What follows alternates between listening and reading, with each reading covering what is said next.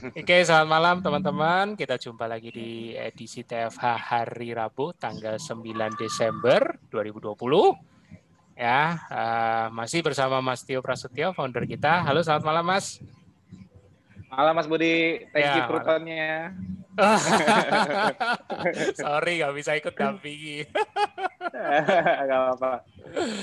Ya Mas, siapa narasumber kita malam ini Mas? Silakan. Uh, narasumber kita kali ini Mbak Windy. Mbak Windy, oh, lupa aku lupa. Windy Kusuma. Windy Kusuma ya. ya. Panjang namanya belakangnya belakangnya Kusuma. Tapi aku cari di Facebook nggak ada tadi Mbak. Aku kemarin aku mau ngetek aku lupa nanya mbak Facebooknya apa ya aku lupa lagi makanya kemarin nggak nggak nggak bisa ngetek jadinya Iya. Ya. Ntar ntar mbak Windy kasih aja Facebooknya apa ntar biar banyak followernya di endorse. Iya. ya malam ini nih Mbak kita mau apa? Mau kepoin Mbak Windy nih pengalaman Mbak Windy KF. Uh, misalnya kayak uh, alasan Mbak KF apa, yang nalin siapa, tujuannya apa, apa ada kendala, hmm. kesulitannya apa, atau mungkin nanti ada pertanyaan-pertanyaan yang yang masih menggantung seputar KF apa, insya Allah kalau bisa kebantu, kebantu, kau jawab. Siapa tahu jawabannya juga bisa bermanfaat yeah. buat Nah, jadi kalau misalnya mau ah, misalnya Mbak ada ah, misalnya Mbak ada pertanyaan yang basic-basic itu nggak usah malu, nggak apa-apa. Semua itu harus disering diulang kok. Iya. Yeah. Ya, ah, Oke, okay, Mbak, Mbak, Mbak ini cerita. Mbak ini pakai slide apa enggak? Iya. Yeah. Enggak. Gak usah ya. Saya nggak nyiapin slide sih soalnya.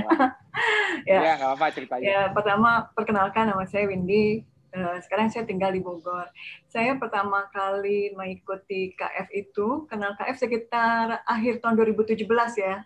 Hmm. Sekitar oh, akhir tahun 2017 itu saya uh, tahu uh, ketofastosis itu dari guru saya. Hmm, okay. Dari guru saya. Uh, karena waktu itu mungkin melihat saya sering sakit ya, terus keluar masuk autoimun ya. Oke. Okay. Waktu itu saya ada dua macam autoimun waktu itu. Uh, tapi memang keluhan yang paling besar yang saya alami itu kan rasa nyeri gitu ya, yang sering mengganggu saya waktu itu.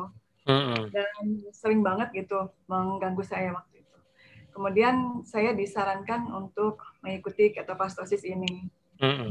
Uh, pada awalnya sih saya ragu-ragu juga ya untuk mengikuti ketopastosis karena satu saya bukan pemakan daging ya, saya nggak bisa makan mm, daging, okay. daging, daging merah gitu ya yeah. saya hanya bisa ayam dan ikan-ikan gitu. Hmm. Sementara kan hmm. kalau ketopastosis yang saya tahu waktu itu kan justru lebih di lemak dan daging-daging gitu ya. Nah, yeah. Jadi saya bilang kalau saya masuk di ketopastosis nih masuknya saya di mana nih kan gitu ya. Hmm, hmm, hmm. Uh, tapi itu saya dimasukkan nggak apa-apa tuh uh, walaupun di ikan itu walaupun nanti kan protein ya yang masuk di situ. Hmm, hmm, hmm, hmm.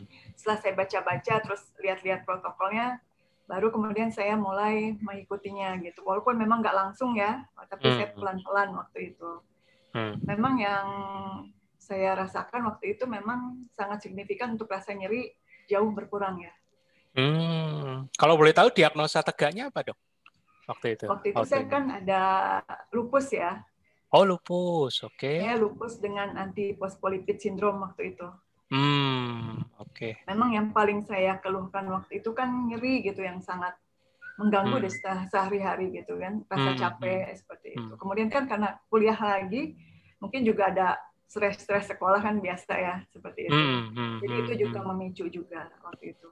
Hmm. Uh, awal-awal KF itu memang saya mengalami sih namanya HC itu ya.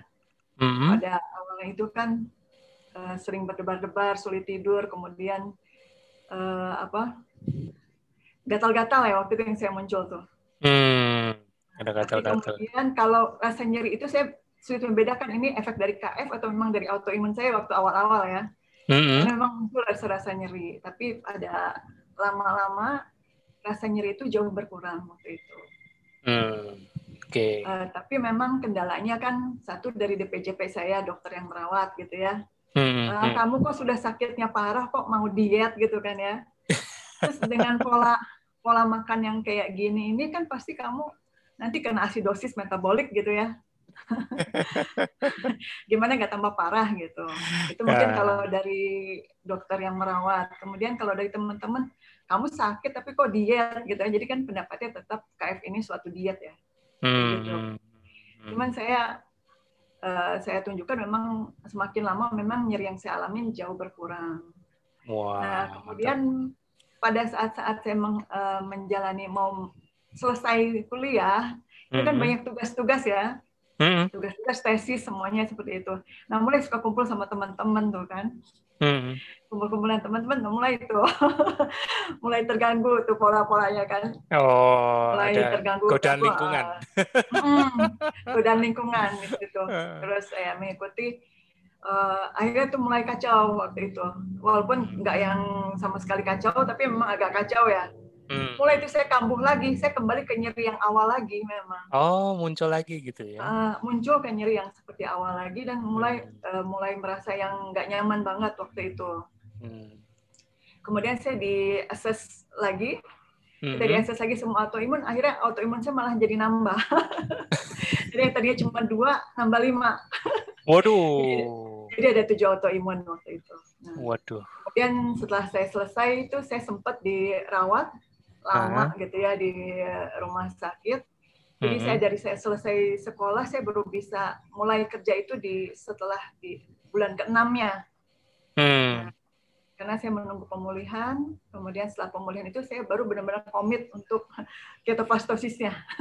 Hmm, oke, okay, hmm. oke. Okay. Karena saya merasakan banyak manfaatnya ya, terutama karena saya yakin banget dari teorinya juga kan bahwa memang ketopastosis itu untuk meng, apa ya secara untuk inflamasi ya bahwa hmm. gula gluten itu kan uh, mempercepat terjadinya suatu inflamasi. Nah dengan hmm. saya mengurangi semuanya itu saya melakukan uh, ketofastosis ini sangat jauh berkurang dan saya bisa lebih banyak beraktivitas sekarang jauh sekali. Yang Berarti yang benar-benar mulai mulai jalankan yang benar itu ta tahun berapa itu, Mbak? Berarti uh, mulai yang sekarang 2020 oh, itu. 2020 ya. Ah, karena kan saya waktu itu sempat menjalani beberapa eh, lama kemudian ketika saya mulai mengikuti tesis-tesis itu terganggu oleh teman-teman, maksudnya tergoda teman-teman sambil ngerjain tugas gitu ya, hmm, walaupun nggak sampai yang memang seperti itu. Yeah. Kemudian ketika saya mulai sakit kembali itu kan, hmm. saya sakit kembali, kemudian benar-benar drop tuh waktu itu. Hmm. Saya kan pemulihan dulu, kemudian saya mulai komit betul-betul untuk ya, menjalani. Ya. Berarti ada masa pemulihan sebentar, kemudian baru mulai ya. komit itu ya. Iya, betul. Oke. Okay. Uh, sudah ada sudah ada hasil lagi yang dari, ini. Dari kapan, Mbak? Ya? Mulainya lagi itu 2020 bulan apa? Sekitar bulan Mei ya, sekitar bulan Mei ya. Oh, terus perubahannya apa? Ada ada mengalami gejala lagi nggak bersama?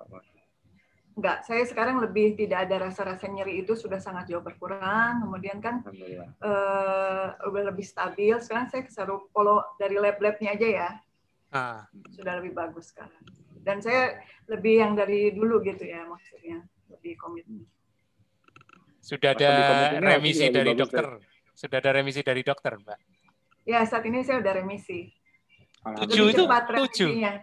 Tujuh itu remisi? Ya. Wow, ya. dahsyat. Wah, ini ini fenomenal ini. Tujuh, ya. tujuh autoimun. ya, waktu itu juga dokter yang merawat saya saya tanya, kamu depresi nggak sih begini? Enggak. Masa sih dengan tujuh autoimun kamu tidak depresi? Enggak, saya bilang gitu. Karena saya ya sudah, pokoknya ini kan ikhtiar ya kita dengan melakukan ketopastosis. Kalau saya kan tidak ada masalah berat badan sebetulnya ya. Hmm. Saya melakukan ketopastosis murni memang untuk kesehatan, untuk autoimun saya supaya stabil. Dan saya hmm. menemukan manfaatnya juga dari ketopastosis ini. Dulu waktu saya yang dulu juga saya merasakan manfaatnya, cuman sempat tergoda itu ya. Hmm. Hmm. Kemudian sekarang saya sudah merasakan dulu akibat tergoda itu saya merasakan yang flare lagi gitu loh. Hmm. Hmm. Jatuh ke dalam ya betul lebih jelek lagi gitu kan ketika saya mau mulai. Ya kalau jatuh ya bangun lagi mbak kan, kan sama kayak orang belajar naik sepeda jatuh ya. bangun lagi mulai lagi. Sekarang kan begitu ya bangun lagi. ya. Masih bisa. apa, pokoknya kita di KF selalu support untuk bisa sembuh total.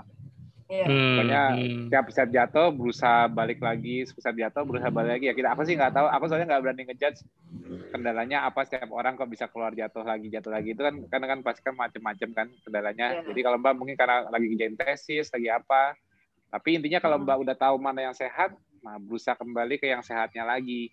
Yeah. Nah kan Mbak tahu sendiri makanya oh iya nih aku udah flare udah deh kembali lagi. Nah gitu loh. Makanya aku bilang aku bilang sejak pandemi kemarin banyak yang CLBK itu ya karena itu ya ya memang memang udah udah memang udah itunya memang udah jalannya. Kan kan kita kan uh, gaya hidup ini kan juga nggak bisa dipaksakan. Maksudnya ya, betul. orang itu kan harus harus ada hidayahnya untuk ah aku tahu yang sehat yang mana jalanin gitu loh kan.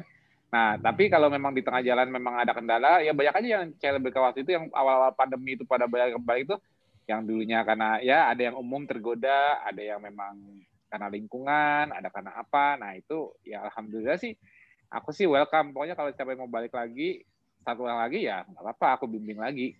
Tapi intinya intinya harapanku setelah lebih baik jangan jatuh lagi. Kan namanya orang belajar naik sepeda jatuh, kalau udah udah udah bagus tapi masih jatuh lagi kan lucu terus. Maksudnya jangan disengajain gitu loh. Yeah. Yang penting di maintain terus supaya ya alhamdulillah remisi karena mungkin juga dokternya heran kalau tujuh autoimun mungkin obatnya juga banyak kali ya. Banyak banyak. Saya minum obat nah, banyak. Sehari ya, bisa 12 lah sekali minum. Nah, kalau sekarang? Sekarang saya hanya minum yang untuk uh, untuk kortikosteroid saya sudah turun ya. Tadinya kan Pas, saya ya? sempat 64 mg sehari. Hmm. Jadi, sampai yang pipinya ini banget ya. ya Sekarang sudah cuma 5 mili itu juga tidak yang setiap hari. Hmm. Udah langganan ya. kortikosteroid ya. Ya. Iya, karena karena karena karena kalau lagi flare up imunnya over, makanya dia harus yeah. di, ditekannya dengan kortikosteroid. Emang, mm, emang gitu. Mm, emang lepas mm. juga nggak bisa tiba-tiba perlahan. Tapi kan alhamdulillah sekarang udah dosis terkecil ya, insya Allah nanti. Iya, sudah dosis terkecil. Ah, insya Allah nanti begitu Mbak Mbak udah makin lama, nanti makin turun, turun, turun, turun, turun. Nah, apalagi kalau kalau Mbak lagi masa masa recovery gini, tapi ini hati-hati flare up loh mbak, hati-hati flare up. Kalau sekarang kan mbak nggak flare up karena mungkin lagi masa bagus. Tapi kalau misalnya iya. tiba-tiba yeah. nanti ada suatu, biasanya pemicu utamanya uh, tidurnya lagi nggak bagus atau memang lagi ada masalah, itu bisa aja flare up lagi. Jadi Mbak harus yeah. berusaha maintain supaya jangan sampai ada stresor yang berlebihan ke badan. Terus Mbak juga kalau recovery harus sempurna banget setiap hari. Jadi kalau habis hmm. hari ini apain, apa kerjanya kan mungkin banyak ya kejar juga tidurnya. Maksudnya tidurnya benar-benar harus yeah. full banget gitu. Karena karena uh, yang sering di Japrianku itu kalau misalnya orang yang udah bagus terus dia flare up, aku melihatnya sih biasanya dia memang gula darah sih. Nah, tapi kan gula darah itu kan juga mewakili sistem stres kita. Kalau kita lagi berlebihan kan iya. ketahuan. Biasanya jawabannya ya udah coba uh, yang pasti aku cek dulu dia jalur detoksnya lancar nggak. Jadi karena penyebab penyebab inflamasi itu atau gula darah naik karena stres berlebih itu bisa dua. Biasanya jalur detoks tidak lancar. Kalau jalur detoks tidak lancar itu berarti BAB-nya nggak lancar. Nah, kalau BAB misalnya BAB itu kan jalur jalur pembuangan paling tercepat paling terbesar manusia untuk untuk racun kan BAB. Jadi kalau BAB-nya sampai sampai nggak lancar lebih dari 3 4 hari, itu karena suatu hal misalnya mbak karena kurang tidur karena karena kalau tubuh kita stresnya lagi ketinggian misalnya karena kurang tidur memang banyak pikiran atau keletihan itu itu memang kolon kita jadi jadi susah maksudnya susah buangnya. Nah nah itu tapi tapi kalau udah sampai tiga empat hari ada efek sampingnya. Apa ada reabsorpsi cairannya jadinya transit hmm. time-nya lama malah makin keras nah kalau udah kalau udah tiga empat hari itu udah udah walaupun udah pengen BAB tapi akhirnya malah susah. Nah itu dibantu aja dulu, misalnya pakai mikrolak atau tendon jati, bantu laksatif nggak apa-apa sementara. Soalnya itu udah terlalu kelamaan. Kalau kelamaan tuh dia ada efek kreasopnya. Nah itu malah, hmm. malah yang yang misalnya ini sorry, misalnya yang belakang udah ada tapi yang depan tuh yang malah malah nyusah ya itu kalau aku saranku kalau ke warrior kalau yang japri aku kalau udah tiga empat hari udah bantu dulu lah jangan malah dijamin hmm. seminggu gitu loh malah nggak bagus nah kalau racunnya terhambat di jalur jalur detoksnya itu di BAB terhambat, efeknya itu bisa memicu antrian racun. Jadi liver itu kalau kalau detoksnya nggak lancar kan kan liver itu ngedetox itu kan lewat bile. Hmm. Hmm. Jadi jadi bile itu fungsi bile yang aku bahas juga kemarin di metabolic conditioning. Bile itu atau asam pedu itu memang komposisinya bile salt sama sama kolesterol.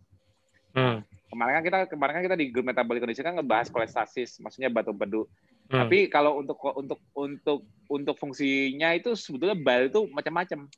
Jadi bile itu sebetulnya kalau yang aku sering cerita itu cuma buat sebagai misel untuk mengikat apa untuk membuat triglycerid itu bisa menyeberang karena sifatnya kalau kita makan lemak kan lemak itu kan nggak bisa nyebrang ke mukosa kan karena karena beda polaritas maksudnya yeah. lemak kan kalau mukus itu kan kalau mukus tuh lendir nih kayak gini nih kalau hmm, kita hmm. naruh lemak di sini kan lemak kan kayak ngambang gitu loh nggak bisa nggak nggak gampang gitu jadi gak kalau mau masuk. masuk ke dalam ya kalau mau masuk ke dalam usus itu dia mesti mesti dikonjugasi mesti diselubungi dulu sama hmm. sama sama misel dari kombinasi dari bile sama kolesterol baru dia keserap nah hmm. itu kan nah, nah tapi sebetulnya jadi bile sama kolesterol yang digunakan untuk megang megangin lemak nyerap itu itu juga diserap juga. Jadi kayak kayak liver itu dari 100% yang dikeluarin 90 sampai 95% kembali ke dalam. Yang hmm. yang di yang di bypass ke feses itu sekitar 5%. Hmm. Tapi bile itu juga bisa disekresikan saat liver lagi ngedetox. Jadi jadi lemak apa sorry lemak lagi racun-racun yang yang yang fat soluble ya racun yang fat hmm. soluble itu di itu konjugasinya itu dengan bile supaya hmm. dia bisa dibuang keluar dari tubuh. Nah, hmm. bile itu salah satunya untuk sekresikan racun dari tubuh. Nah, jadi kalau misalnya kita ada diabetes terhambat, bile kita juga juga juga nggak langsung ngeluarin, malah malah dia nggak nggak nggak ngedetox. Nah kalau dia nggak nggak ngedetox, nggak nggak nggak bersih racun, racun kita kan di tubuh kan setiap hari kan saat metabolisme kan ada terus hmm. harus dibuang macam metabolisme nah itu yang yang antriannya kadang-kadang membuat imun sistem kita yang lihat banyak banyak impurities di darah dia jadi jadi inflame. Jadi dia kayak overreaktif imunnya. Nah kalau imunnya overreaktif itu nah itu. Itu bisa memicu retensi peradangan kayak flare-nya muncul lagi. Nah itu. Makanya biasanya indikasi pertama aku nanya itu. Yang kedua hmm. uh, modulasi simpatetik. Nah, simpatetik sistem kita ini bukan kortisol ya. Kalau kortisol sifatnya begitu dia naik, justru dia inhibit inhibit sistem imun. Hmm.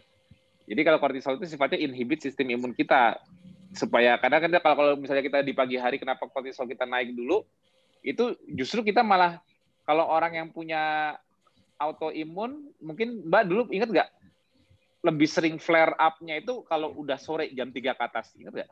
Sebelum KF. Iya. Betul nggak? Mbak kalau ngerasa. Ya. ya, Mbak berasa gejala-gejala muncul itu jam berapa dulu? Kalau pagi, kalau menjelang sore ah. kan, jadi antara antara jam 3 jam 3 ke atas yeah. gitu kan, habis asar lah kan, itu berasa, itu bisa sampai bisa sampai apa uh, agak malam sampai mbak kadang ada tidur tapi nanti besok pagi enak lagi jam hmm. sembilan nanti hmm. udah enak lagi ya hmm. biasanya bangun tidur juga nggak nyaman tuh tapi nanti agak siang sedikit nyaman. nah siangnya siang itu jam berapa siangnya pokoknya setelah mulai aktivitas sih jam 8 ke atas itu sudah nggak terlalu terasa gimana gitu nah itu yang aku maksud mbak jadi kalau mbak hmm. sama ini supresnya itu pakai kortikosteroid itu sebetulnya itu sama seperti glukokortikoid dari kortisol.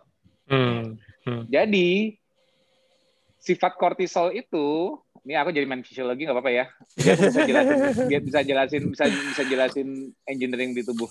Jadi ya. pada saat di pagi hari normalnya manusia kortisol itu yang naik itu membangunkan kita dari tidur. Tak. Dia memicu kortisol itu memicu gluconeogenesis. Karena hmm. kita harus kayak dibus dengan gula. Jadi kalau kita hmm.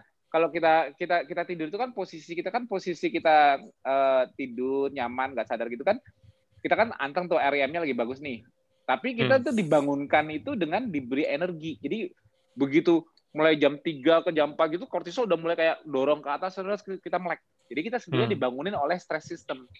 Kita dibangunkan oleh kortisol. Hmm. Nah, makanya secara kortisol diurnal kan aku udah pernah kasih patternnya. Hmm. Itu normalnya kita dibangunkan. Kalau kita kurang tidur, levelnya agak agak agak lebih tinggi kalau kita kurang tidur. Jadi harusnya misalnya anggapnya aku aku pakai bayangan gini ya. Anggap aja kortisol itu dari berapa ya angka yang paling gampang ya? Contohnya dari 10 deh, pagi-pagi naik 10. 10. Hmm. Anggapnya di, ya anggapnya dari dari diurnalnya itu 0, 10, 20, 30, hmm. 40, 50 sampai 100, 100 terus turun lagi. 80, 70, apa 100, 80, 70, 60, 50, 40 sampai kembali nol lagi anggap aja walaupun nggak pernah benar-benar nol. Hmm, hmm. Tapi intinya anggapnya anggapnya flow seperti itu. Nah flow ini dimulai dari jam 3 4 pagi. Set. Nah begitu di titik kortisol tertentu itu gula darah kita naik. Kita bangun. Hmm. Nah jadi fungsi fungsi kortisol itu dia modulasi liver kita untuk buat gula. Hmm. Makanya di pagi hari itu manusia normalnya tidak makan. Kenapa? Nggak terlalu lapar. Kenapa? Karena kita dikasih modal untuk bergerak dengan gula dari sekresi kortisol kita. Hmm. Ya, jadi untuk bus kita melek, untuk kita moodnya naik, nah terus jalan. Nah, itu bergerak. Nah, sistem manusia ini begitu kita udah di bus kortisol ini, berarti kan udah pakai HP. Berarti HPA axis itu maksud gini hipotalamus pituitari kita kan ada di sini nih. Ya. Itu udah udah memberikan akses untuk membuat adrenal gland kita di ginjal mensekresikan hmm. kortisol hmm. yang membuat yang yang ada diurnal. Diurnal itu bahasa Indonesia-nya apa ya? Betul. Diurnal. diurnal itu kayak ya ya diurnal apa sih? Diurnal itu apa ya bahasanya? Coba ada nyari kampus sih kalau ada yang tahu terus di diurnal itu bahasa Indonesia apa? Diurnal itu kayak ritme kayak kayak ya, ya, ya betul harian. Hmm. Ya jadi kayak kayak harian, jadi kayak diurnal itu kayak normal kita segini, segini normal yeah. ya, lompat rata-rata segini, harian. Hmm. Tingginya juga segini itu normal diurnal. Nah, diurnal ini bisa kalau ada stres yang belum belum beres, anggapnya gini, kan setiap hari kita tidur itu kan membuat stres kita turun kembali. Tapi kalau kurang tidur, berarti kan stres kita ada sisa nih yang belum belum belum belum turun. Nah, ini menambah ke diurnal kalau kita tidur sempurna, anggap aja tadi diurnalnya 0, 10, 20 sampai hmm. 100, hmm. peaknya 100 ini kira-kira jam 9 jam 10 turun lagi. Nah, hmm. kalau kita ada stres berlebih sebelumnya, nah ini anggap tadinya harusnya mulai dari 0, 10, ini mulai dari 10, 20, 30, 40. Ada stres yang ber, berlebih lagi, nggak ke cover lagi. Jadi jadi 20. tadinya tadinya 10, 20, 30, 40, besok lagi belum kebayar juga saja 40, 50, 60. Jadi jadi dari diurnal itu yang normal hmm, kita lama, kita dengan dengan dengan dengan tensi dengan diurnal ini kita tensi normal heart rate normal kalau kita ada utang yang yang nggak ke kebayar kortisol yang kortisolnya itu jadi lebih tinggi di the next day the next day the next day nah itu jadi lebih tinggi nah hmm. kalau kortisol lebih tinggi otomatis di jam 9.10 kan memodulasi liver buat gula lebih tinggi hmm. you know? Hmm, hmm. Ya kan tadinya misalnya oh dengan diurnal normal dengan dengan bangun seger fresh normal kita bisa dapat gula darah jam 9.10 misalnya sekitar anggap aja ya anggap aja di bawah 80 lah. Tapi begitu ada ada tumpukan stres yang nggak ke cover, hmm. dia kan menambah basic diurnal dari kortisol ini. Iya. Nah, akhirnya jam 9, di jam di jam 90 loh, ini gula darah saya kenapa tinggi? Nah, itu bisa Naik. karena hmm stresnya tidak terrecover. Itu itu hmm. salah satunya. Jadi jadi jadi kita bisa mengkoreksi, Aduh, oh kenapa ya kok kita gulanya lebih tinggi? Oh, itu karena ah itu uh, diurnal rhythm harian. Nah, jadi kalau jadi kita di pagi hari itu jadi kalau jadi kita kita setiap hari berusaha berusaha start start uh, hari kita bangun pagi itu dengan diurnal tanpa stresor. Jadi tanpa tanpa ada stres yang ketinggalan. Hmm. Itu, itu caraku. Kembali ke nol. harus nol. Ya, jadi ngenolinnya itu memang dengan tidur. Tidur itu ngenolin, tidur itu ngenolin guna karena hmm. reset. Jadi karena begitu simpatetiknya turun, nanti di sore jam 3 sore itu udah mulai turun, turun, turun, berikut sama kortisolnya turun, turun, turun. Nanti yang naik melatonin gantian. Hmm. Kalau kortisolnya itu nggak turun-turun, melatonin susah naik. Nah ini susah tidur. Hmm. Betul. Nah, Nah, uh. itu efeknya susah tidur. Nah, jadi jadi kita tidurnya harusnya harusnya mulai naik melatonin jam jam jadi jam jam 6 itu udah mulai naik set sampai peaknya REM jam 12, tapi kita harusnya udah mulai ngantuk-ngantuk terus tuh. Terus kortisolnya udah mulai turun. Tapi anggap aja kita ada sisa kortisol yang kebayar. Kita malam ma, jadi kalau kalau kita stres di hari sebelumnya nggak kebayar, selain hmm. efeknya ke gula darah kita lebih tinggi, tidur kita the next day yang masih ada sisa kortisol ini itu itu volumenya itu mengganggu kualitas tidur kita di hari berikutnya. Nah, hmm. hari berikutnya ini kan hari berikutnya yang tidurnya kurang kan menambah jumlah kortisol lagi di depannya. Jadi stresnya kayak numpuk di belakang lagi. Nah, menambah lagi di depannya. Jadi kalau ada something yang nggak nggak ada ada stres yang berlebih yang nggak buru-buru diberesin, akhirnya akumulasi terus ke depannya. Hmm. Itu nggak bagus. Akhirnya nanti tiba-tiba loh kok aku gula darahnya dulu berubah 80 sekarang malah 100 lebih. Nah, itu bisa jadi akumulasi. Hmm. Nah, tapi tapi bisa juga karena injury, bisa atau kita keletihan, bisa.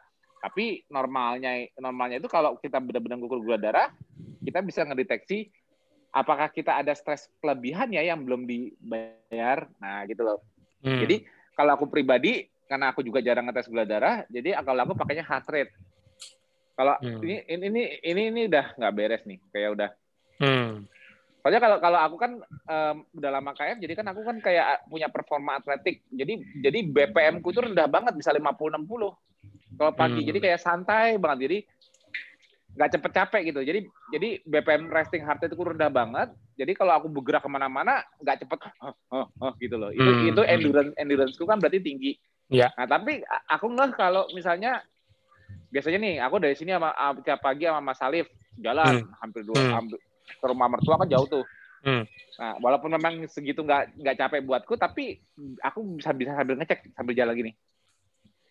Ada yang beda nggak dengan heart rate biasa kalau aku hmm. fresh? Hmm. Nah, hmm. nanti kita, hmm. nah, oh iya. Nah, kalau aku langsung tahu. Nah, ini berarti, oh ini masih ada dikit nih. Kalau aku mainnya ngecunnya, kalau aku fine tuning gitu. Terus aku hmm. uh, apa namanya?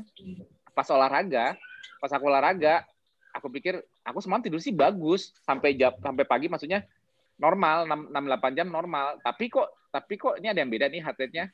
Mungkin kualitasku yang nggak bagus. Tidurnya jamnya dapat tapi kualitasnya mungkin nggak dapat. Misalnya hmm, gitu kan. Hmm, hmm, hmm, aku aku ngerasa di badan. Nah, terus aku coba latihan.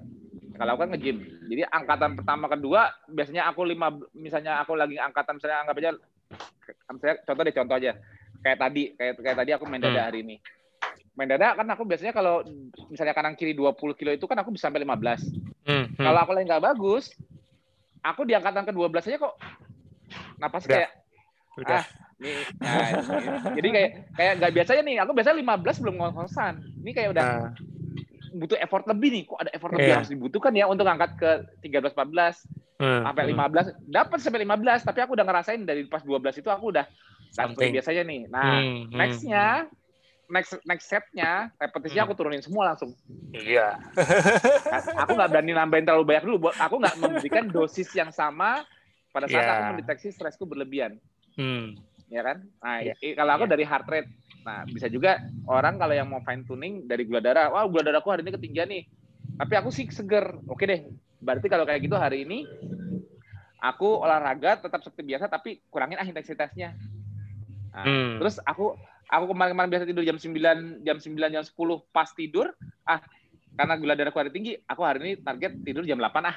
Itu kalau pakai acuan gula darah. Jam 8 aku mulai tidur ah. Jadi mempercepat waktu recovery-nya. Jadi anggap aja kemarin ada utang, terbukti deh. Nanti besok pagi lebih lebih uh, moodnya bagus, hmm, hmm. enak gitu. Karena hmm. karena kita menargetkan kita back dari fresh nol lagi. Kita nggak punya utang. Hmm. Nah, itu dengan kayak gitu kita selalu menjaga sistem stres kita tidak berlebihan, tidak tidak tidak sampai overdrive. Karena suatu saat ada aja ini ini ini ini baru dari tidurnya ya, belum belum ada stresor misalnya ya namanya manusia kan ada aja pikiran. Nah, Kombinasi pikiran juga, juga, Mas. Ah, ya ya misalnya nih misal, misalnya contoh, aku tidurnya bagus nih, tidur bagus banget, pagi hatinya nggak bagus. Hmm. Eh tapi, dulu.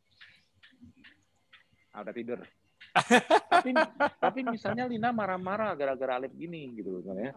Misalnya Lina lagi marah-marah gitu kan aku juga pusing juga. Aduh, pagi-pagi Alif udah dimarahin aku kan stres. Kalau aku tanya gitu, ah, itu pengaruh loh, jangan salah. Jangan bilang-bilang Lina. Kalau dia tahu YouTube-nya gimana, Mas? Gak bakal nonton dia. Jangan dia kasih dia, awas. jadi jadi kalau misalnya dia ya masih anggapnya pagi-pagi masanya prewel lah karena satu hal Terus ah. itu kan kadang-kadang kalau aku kan sifatnya kan gitu ya namanya bapak ya kali ya. Hmm, uh, kalau hmm, hmm. mak, mak kan mungkin biasa lah marahin anak. Kalau bapak kan pasti nggak tega. Hmm, Jadi hmm. aku tuh sebenarnya aku sih kalau di depan Alif kan memang Jawa tuh Japri aja jangan Japri.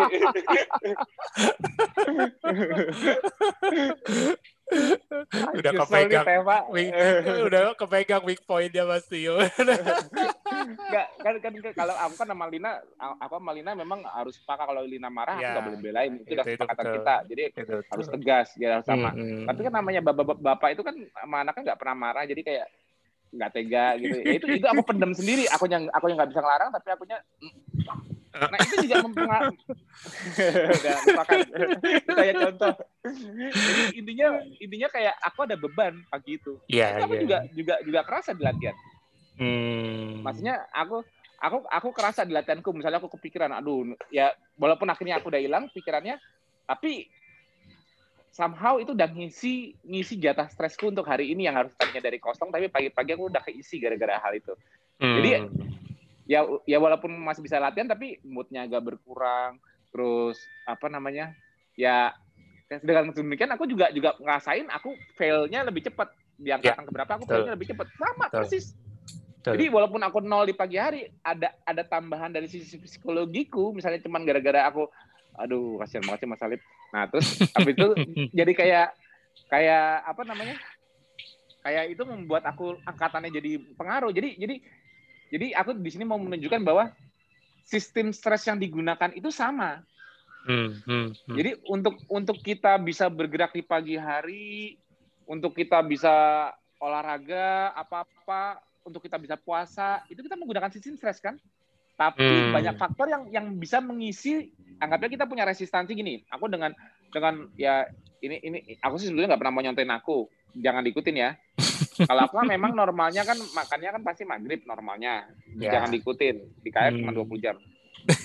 Nah, takutnya enggak aku Chris aku tuh paling, paling, paling, paling takut paling takut mencontohkan karena yeah. karena aku aku bisa kayak gini kan udah karena tahunan bukan karena yeah. aku iya. dibuat paksa-paksain ya memang aku memang aku begini tapi nggak semua orang itu seperti aku maksudnya kapasitasnya untuk hmm. ya maksudnya untuk untuk dia bisa recover sempurna seperti aku bisa bebas stres kayak kayak aku kan belum tentu bisa kan jadi yeah. jangan yeah. jangan pernah menganggap jadi kalau apa yang aku lakukan tuh nggak harus dicontoh kenapa ya kita beda lah yang baru tiga empat tahun pun juga belum tentu sama kayak aku. Beda lah yeah. pokoknya pokoknya kenali diri sendiri. Jadi BPM-nya Mas Tio aja beda sama yang lain. Iya BPM-nya lima puluh enam puluh. Aku hartanya rendah banget loh.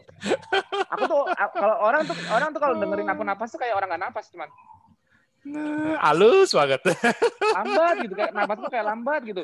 Aku disuruh lari sprint aja belum tentu ngos-ngosan. Nah, itu kan itu kan itu kan itu kan suatu kapasitas endurance, maksudnya kapasitas yeah. yang aku, yeah. itu merupakan suatu stress resistan yang aku bentuk hmm. bukan dengan waktu sebentar. Artinya gini, aku juga dulu baru cuma skip sarapan kok, aku juga dulu cuma makan jam 12 kok. Tapi kan lama-lama, lama-lama hmm. stress recover, stress recover, stress recover. Akhirnya ya jangan heran kalau aku punya resistansi sebesar ini, tapi pelan-pelan, bukan tiba-tiba. Nggak ada yang dipaksakan. Makanya aku bilang, aku tambah otot juga hasil dari stres resistan. Nggak mungkin ototku ditambah kalau aku nggak memberikan stres ke ototnya. Nah, tapi hmm. aku nambahnya juga pelan-pelan. Jadi kayak aku dapat badan kayak gini tuh jangan gimana ya kayak bisa cepet kayak Mas Jo gitu. Bisa gak ya setahun kayak gitu? Ya ampun, aku ya hampir tujuh tahun, delapan tahun apa ya? Udah udah udah udah ngejim yang yang yang seriusnya. Dari hmm. ngejim biasa sampai serius udah udah lebih dari delapan tahun. Orang mau pengen cepet-cepet ya nggak bisa lah maksudnya jangan terlalu ngebayangin ego gitu. Jadi semua ini aku dapat karena terbentuk oleh suatu proses yang panjang bukan pendek. Nah itu sebabnya hmm. aku nggak pernah mau nyontoin ya walaupun aku yang maghrib aku nggak mau nyontoin kalau nggak itu jangan ngikutin aku maghrib. Nah maksudnya semuanya pakai proses. Tapi prosesku itu terbentuk dengan recovery sempurna. Recover sempurna. Makanya aku bilang kan aku tuh orangnya tipikalnya gini. Aku tipikalnya karena aku memperhatikan memperhatikan banget. Aku denger, aku kalau aku tipikalnya dengerin badan. Hmm. Jadi gini, aku, aku tuh kayak yang ancestral lifestyle. Aku bilang orang-orang zaman dulu kan nggak ada clue. Dia dia dia clue dia dia mau makan apa, kapan dia bisa makan, kan nggak ada clue kan. Tapi orang hmm. zaman dulu itu kan sebetulnya kan sejak lahir dia kayak gitu. Kalau kita kan baru mau belajar seperti mereka, baru.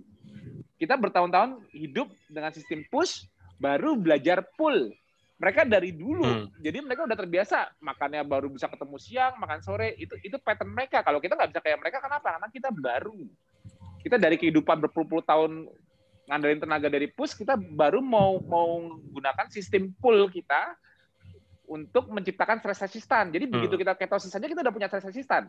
Tapi dengan tambahan stress lagi, misalnya gini, awalnya kita ketosis, kita punya tadinya stress resistan kita cuma segini, begitu kita ketosis, stress resistan kita jadi segini. Kenapa? Karena otak dibikin kena lemak. Jadi untuk lepas lemak tuh lebih gampang, nggak pakai stres banyak. Makanya orang begitu ketosis saja udah dikasih hadiah, stresnya turun.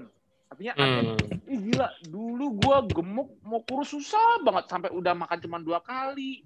Sampai udah gue keliengan, pusing. Makanya kan aku bilang, kalau diet itu mudah, kalau kurus itu mudah, nggak akan banyak diet di muka bumi.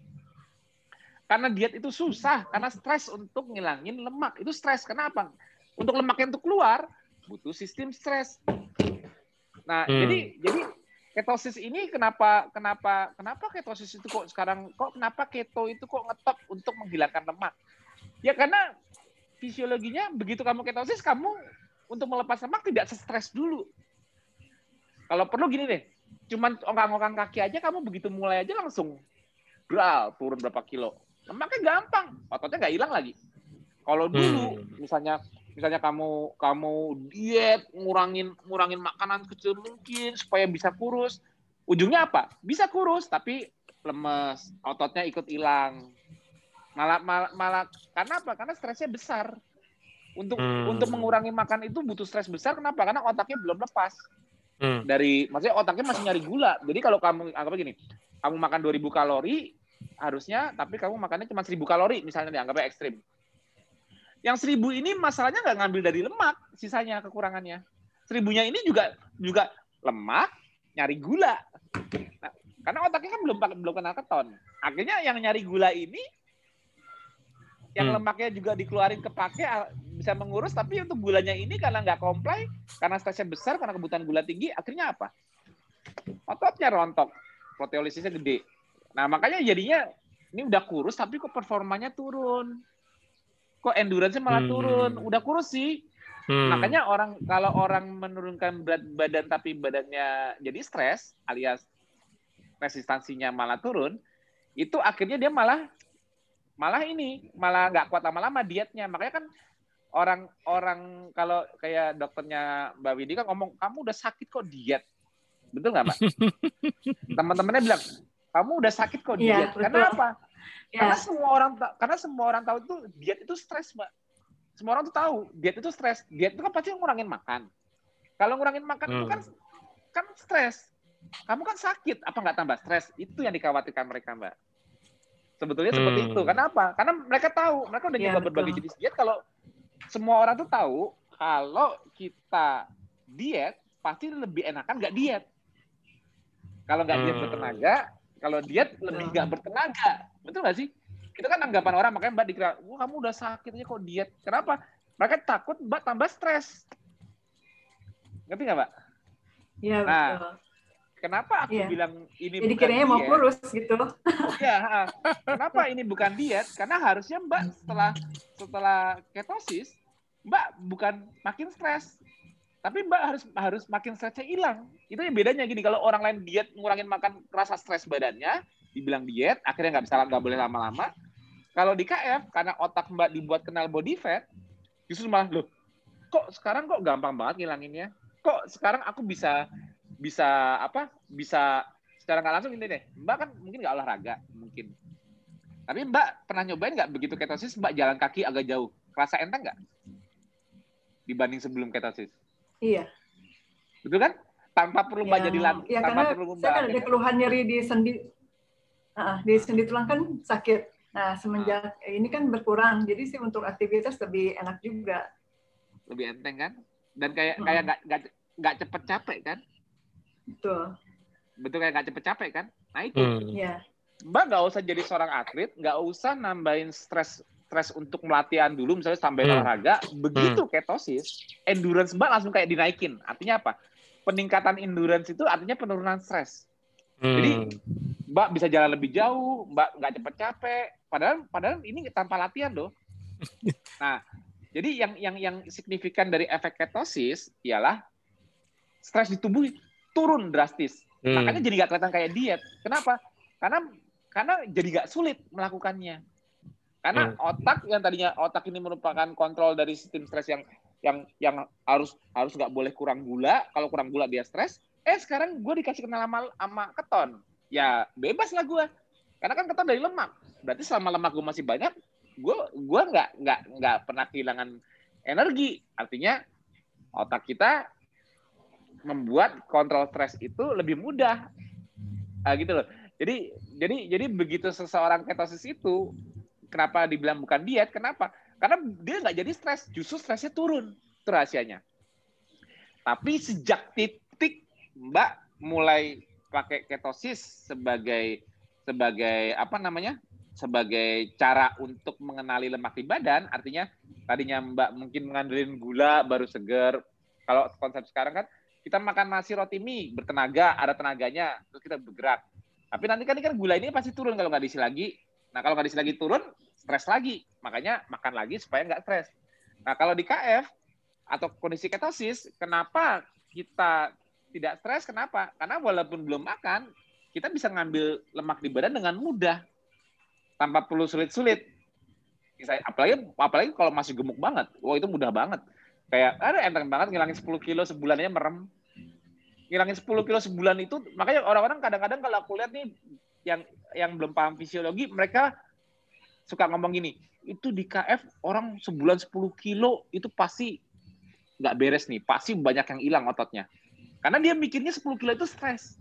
Karena karena di, di, di, di cara lain yang yang dengan defisit kalori hilang 10 kilo itu stresnya besar besaran hmm. itu nggak cuman nggak cuman apa namanya nggak cuman hilang lemak tapi otot juga. Makanya pasti badannya nggak enak banget deh kalau bisa hilang 10 kilo sebulan tuh nggak pasti nggak enak banget rasanya badannya. Pasti dia gila-gilaan dietnya. Jadi kebayangnya kalau orang KF sampai hilang 10 kilo dalam sebulan itu dia malah bisa lari kenceng malah bisa malah malah malah jadi enteng malah jadi apa malah nggak ngerasa kayak dia diet padahal dia ngilangin 10 kilo dengan mudah. Itu itu itu apa kok bisa buat gitu? Kenapa?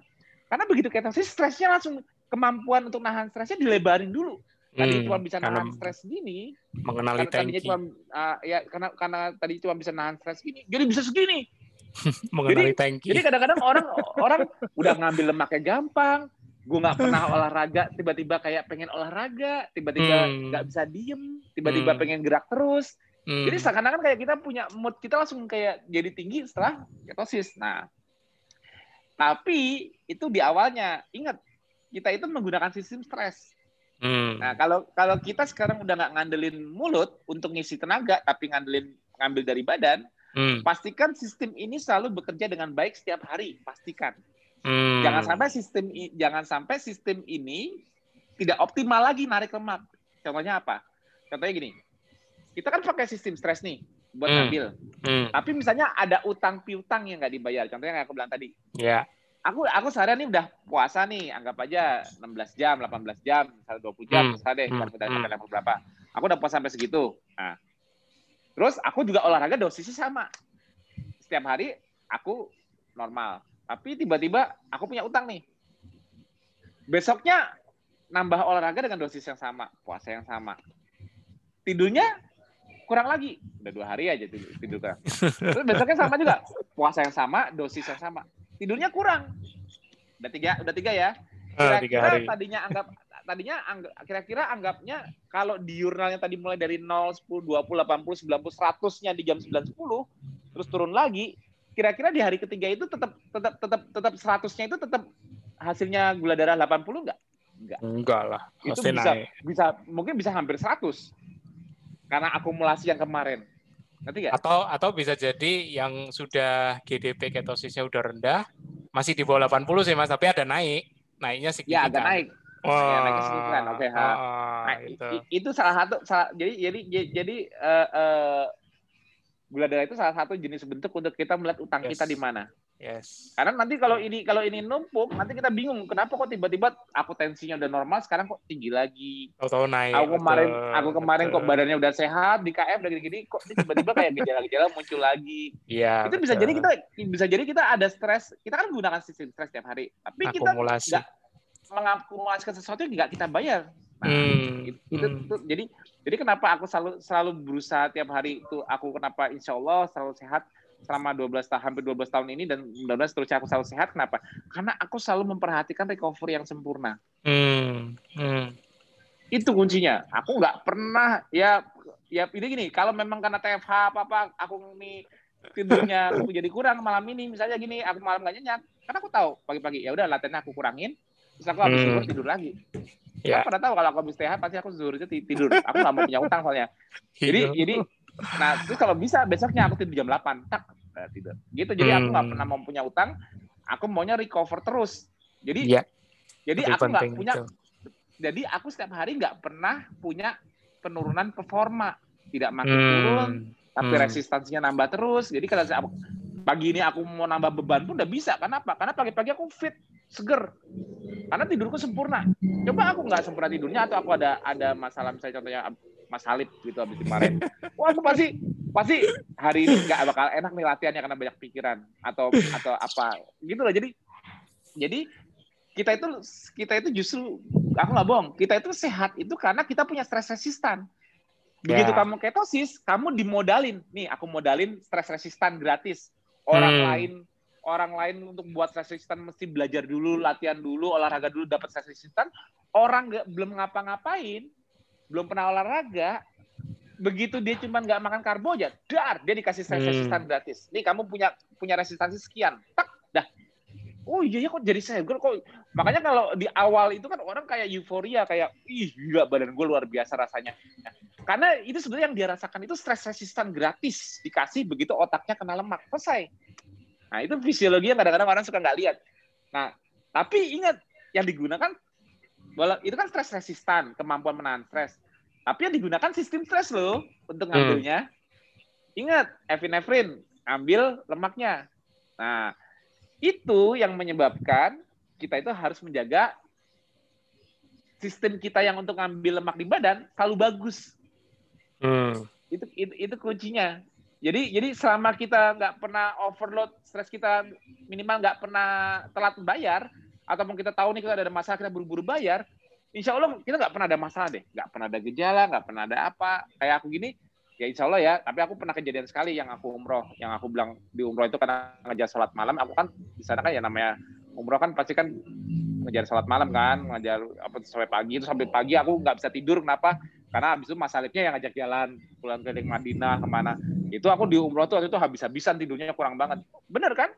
Pulang dari umroh, ada seminar di Bekasi, habis itu aku seminggu tepat. Sakit.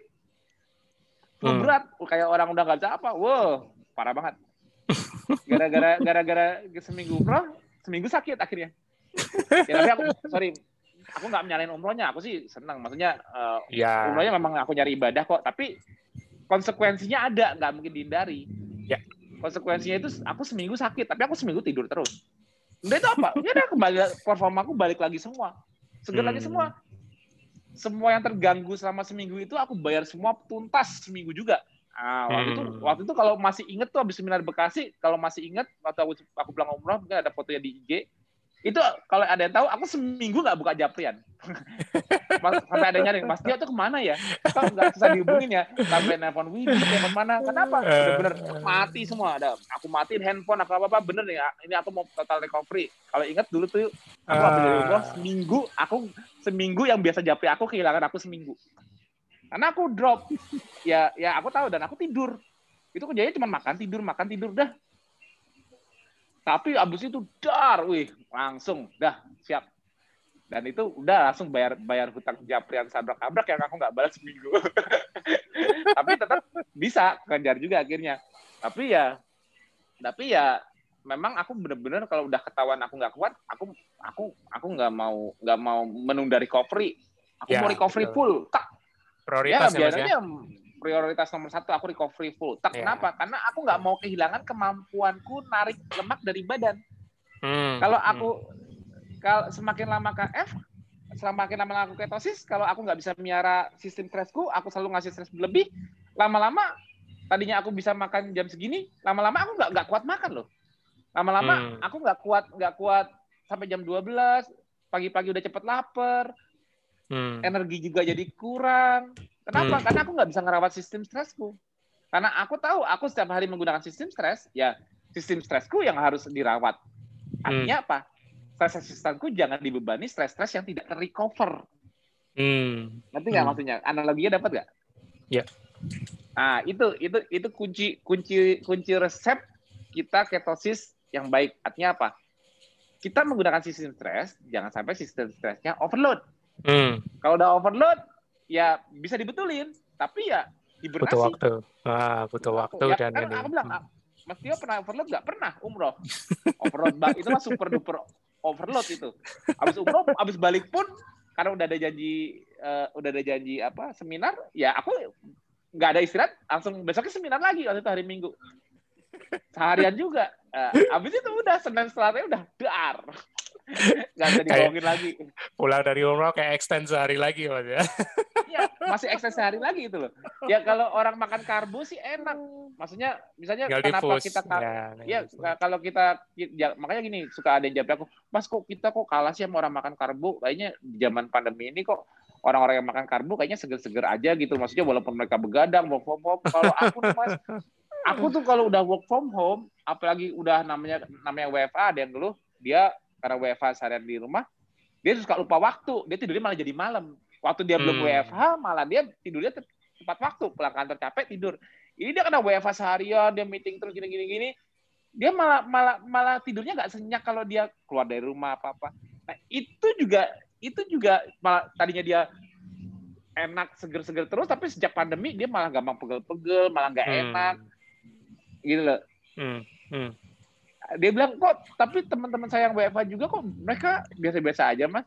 Yang nggak keto. Ya iyalah hmm. mereka kalau lemes mau dia begadang juga tinggal makan karbo melek lagi. Kamu jangan coba-coba kalau kamu ketosis kayak gitu. Kamu nggak hmm. bisa. Kamu, kalau kamu kan menggunakan kemampuan ngambil lemak dari badan hmm. sebetulnya kamu lebih kamu lebih superior dari mereka di siang hari. Mereka hmm. harus makan terus kamu nggak perlu makan. Superior hmm. kamu. Tapi di malam hari waktu recover kamu kalah dengan mereka mereka hmm. harusnya tepar tapi mereka bisa dorong pakai gula biar melek lagi kamu nggak bisa karena apa karena kortisol kamu udah turun Iya, stresnya ya, sudah melemah. Hmm. Yang yang guidance yang guidance kita untuk untuk kita bergerak, untuk kita beraktivitas. Kenapa pagi itu dari pagi itu fungsinya tubuh manusia itu ialah bukan tidur tapi bergerak. Itu patternnya itu kortisol. Hmm, hmm. Jurnalnya itu kortisol. Jadi kenapa normal manusia pagi-pagi tidak langsung buru-buru makan buat tenaga. Jadi kalau kalau orang makan karbo kan makan dulu tenaga baru jalan. Ya. Kalau orang kaya kenapa nggak nggak perlu itu kenapa? Wong dari pagi kortisol gue udah dinaikin kok. Hmm. Gue butuh gula, gue butuh gula udah dibuatin sama liver.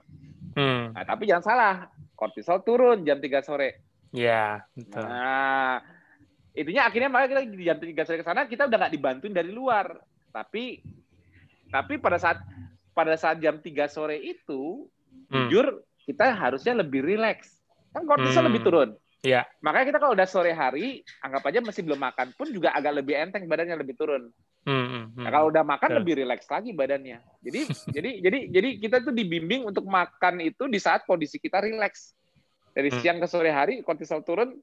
Nah, itu cocoknya kita makan kenapa? Karena kalau rileks kita digestnya lebih bagus. Kalau kita masih di kondisi stres tinggi, kalau bukan Susah. makan kalau kalau kalau bisa gini nih. Bisa lagi nih. Eh. Kalau pagi-pagi pagi-pagi kamu makan ikan telur ayam daging banyak, misalnya banyak gitu.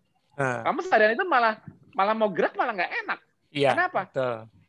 Lebih nikmat di posisi puasa untuk bergerak, hmm. tapi lebih rileks di posisi makan. Jadi kalau udah makan itu walaupun kita jadi nggak bisa bergerak, tapi kita jujur rileks. Hmm. Serius loh, Pak Bong. Hmm. Coba deh, yang yang yang yang di KF rasanya dia memang betul kalian selama makan jadi kayak lemes ngantuk malah nggak hmm. bertenaga tapi itu relax gak aku tanya relax hmm. gak yeah. relax ya, karena karena begitu karena makan menaikkan parasimpatetik yeah. antagonisnya dari simpatetik jadi makan hmm. itu membuat relax hmm. nah, makanya aku bilang kalau misalnya kamu lagi malamnya nggak malamnya tidurnya nggak bagus jangan olahraga dan juga jangan puasa panjang kenapa ya mendingan cepet-cepet relax dulu kalau perlu gini nih, kalau perlu daripada punya utang kalau perlu gini. Misalnya, aduh malam aku nggak bisa tidur karena suatu hal, misalnya. Biasanya aku buka jam 2, misalnya udah terbiasa. Aku bilang, hmm. wah kali ini enggak deh, aku buka jam 12 aja, makan kenyang terus tidur lagi. Hmm. Bayar tidur aja. Jadi jadi jadi tidurnya itu dikenyangin dulu biar pules. Hmm. Jadi hmm. jadi jadi abis zuhur makan kenyang tek tidur pules. Nah, lumayan nih dapat sampai jam 3 sore misalnya. Hmm. Udah hmm. nanti hmm. baru mau ngapain lagi gitu loh. Atau hmm. jam dua misalnya benar-benar kurang malamnya.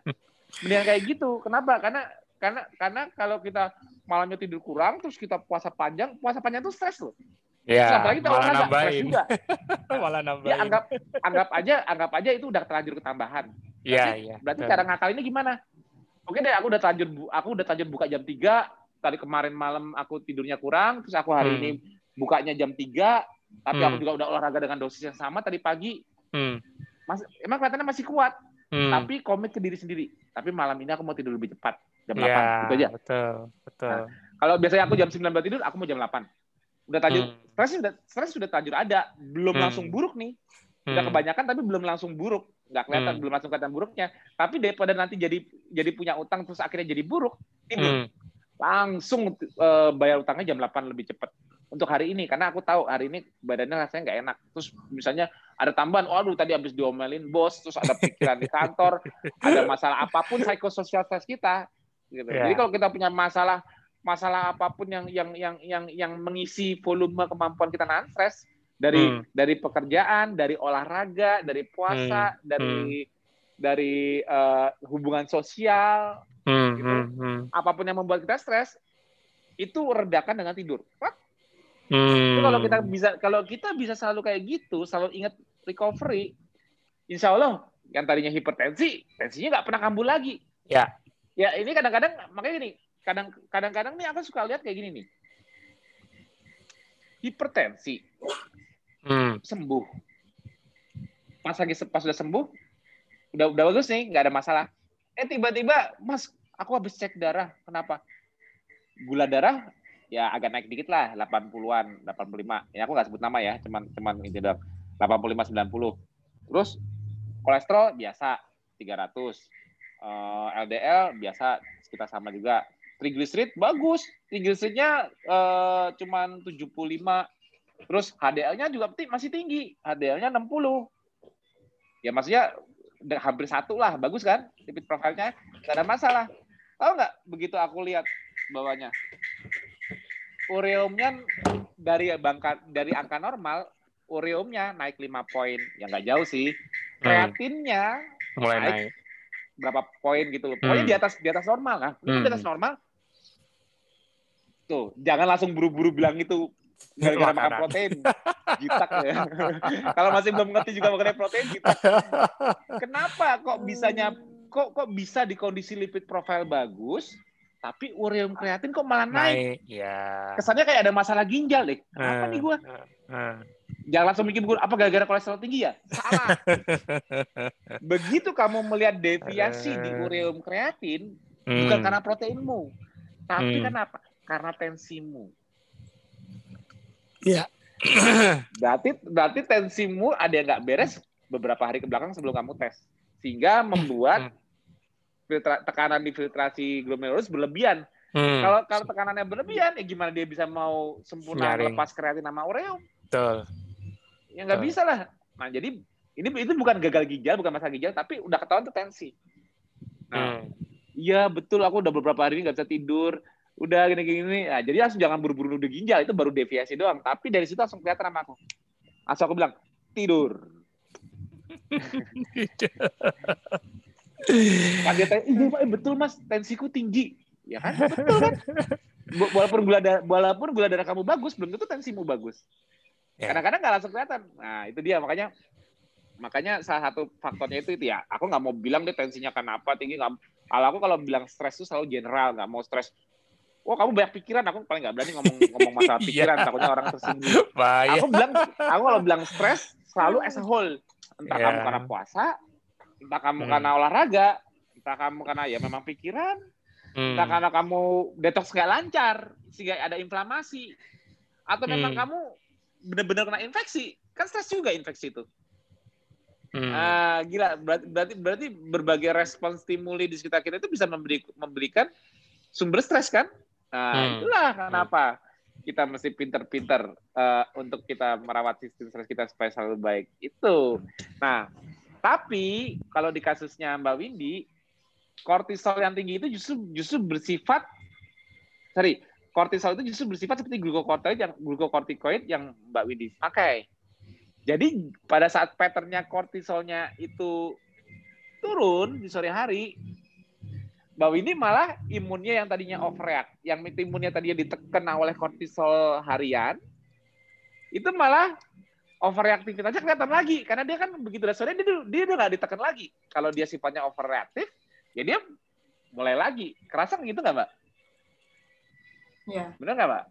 Nah, ya, nanti kan pagi, kalau sore iya mulai agak ke sore ke malam tuh. Nggak tahu tuh Mbak pasti kalau udah berasa kayak gitu udah berusaha bisa tidur tuh. Karena kalau dengan tidur lah baru Mbak bisa nggak kerasa lagi. Tapi pagi-paginya bangun-bangun masih kerasa karena kortisolnya baru mau naik. Tapi begitu kortisolnya makin naik jam 9 10, nah itu hilang lagi. Betul nggak? Iya, betul. Karena Mbak kayak semacam minum steroid alami, tapi ini steroidnya steroid diurnal rhythm. Ngerti nggak? Ada ya? steroid diurnal rhythm tapi yang membuat Mbak kenapa? Karena karena kalau kalau sistem stres itu lagi dinaikkan secara diurnal artinya apa? Manusia harus bergerak mencari makan, tidak boleh ada kebutuhan lain. Contohnya kebutuhan imunnya harus perang atau sistem reproduksi juga di-shut. Maksudnya jangan sistem reproduksi itu kalau jadi semua semua penggunaan energi yang ke arah selain otot dibatasin semuanya kortisol ini di, dikasih semua untuk manusia bergerak mencari makan.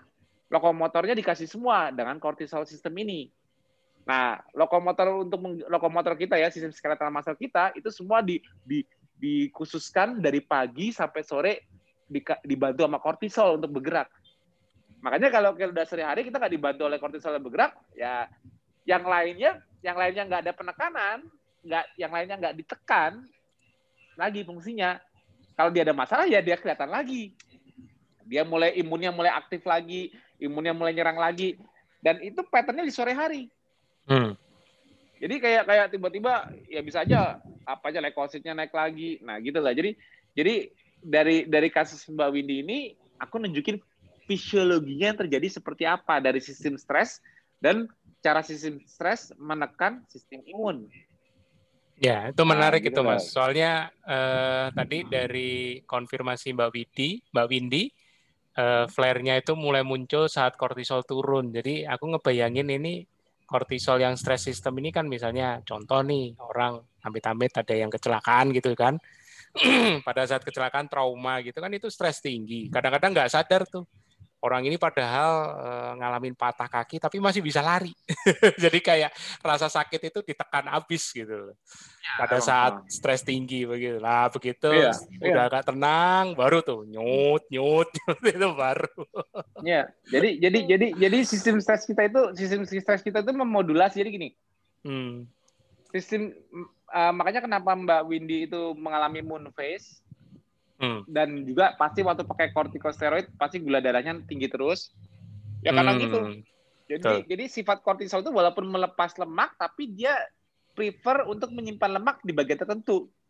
Contohnya malah hmm. ini mohon maaf nih, di visceral juga, di bawah perut juga, pipinya juga. Nah itu jadi efek kortisol berlebih itu seperti itu. Dia memicu penyimpanan lemak tapi nggak seluruhnya tapi di tempat-tempat tertentu. Jadi ada kayak ada ada efek efek itunya. Nah dan dan pada saat uh, kalau nggak digituin imunnya yang flare. Nah sekarang kalau sekarang Mbak kenapa tidak lagi uh, nyeri-nyerinya berkurang?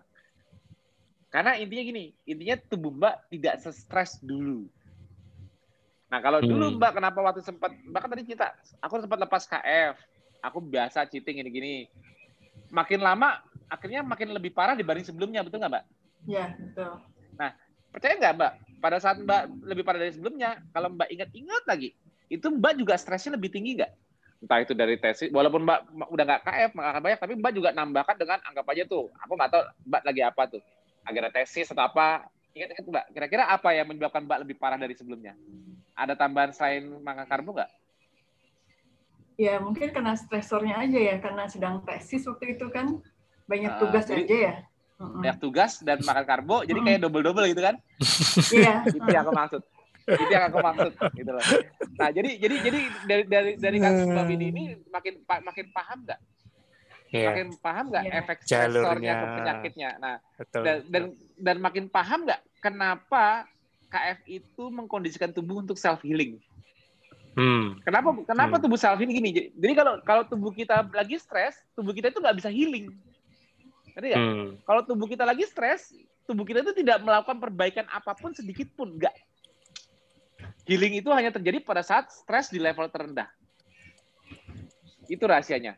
Nah, begitu kita ketosis, kenapa kita jadi pro healing? Karena kita dikasih stres resistan, tak, nih gratis, stres resistan, tak, gini Nah, tubuh kita tadinya sakit-sakit, inflamasi diturunin.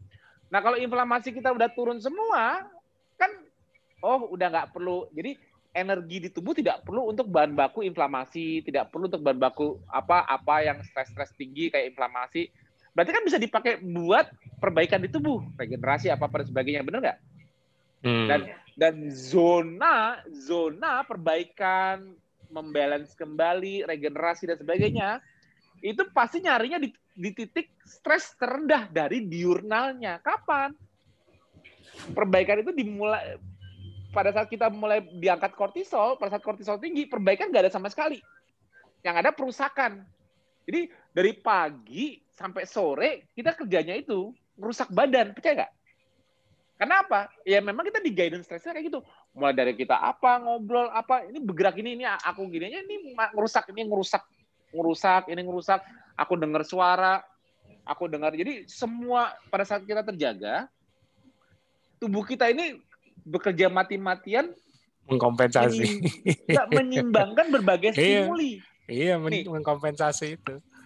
kalau di posisi kalau di posisi aku mulai kayak gini, AC-nya kedinginan, ih, eh, dingin. Ya, itu dingin itu stres loh. Eh, iya. jangan salah loh, dingin itu stres loh. Dingin itu Ada orang nggak ngerti. Mas kalau kalau kalau misalnya aku kena angin terus aku kedinginan gini, itu apa? Itu stres. Hmm. Afferent nerve-nya ngirim ngirim ngirim ke otak. Ke otak. Aku ngeliat sesuatu stress yang bikin temperatur. aku aku tegang atau apa atau film horor apa, itu stres loh. Serius. Atau misalnya atau misalnya aku makan apa yang eh uh, nggak enak banget ini gini. Itu stres. Aku hmm. nyium bau yang aduh baunya gak enak banget, itu stres. Hmm. Jadi hmm. segala hal pada saat kita terjaga, hmm itu sebetulnya ot otak kita ya, otak kita ini sibuk mengkoordinasikan stimuli. Jadi gini, lu tampar sakit, tapi tapi ini begi, begitu habis ditampar gini aku sakit, tubuh kita berusaha mengembalikan stresnya, makanya jadi nggak sakit lagi. Hmm. Tapi jangan hmm. tapi jangan mau ditampar lagi, kan sakit. Udah tahu ditampar sakit. Nah, makanya hmm. maka, maka makanya tubuh kita itu selama terjaga selalu berusaha mengemba, membuat homeostasis terhadap berbagai stimuli yang masuk. Jadi yeah. sehat itu ialah kemampuan kita menjaga homeostasis selama terjaga. Hmm, hmm, hmm. Sehat hmm. itu ialah kemampuan kita menjaga homeostasis terlihat seimbang selama terjaga. Hmm. Tapi selama tidur semua orang sehat. Ya. Nanti nggak masuk Orang diabetes Wah, pas dia pas dia itu dia kayak badannya nggak enak, apa pegel-pegel, gula darahnya tinggi. Begitu tidak dia benar-benar masuk ke jam masuk ke jeda tidur pulas, dia sehat.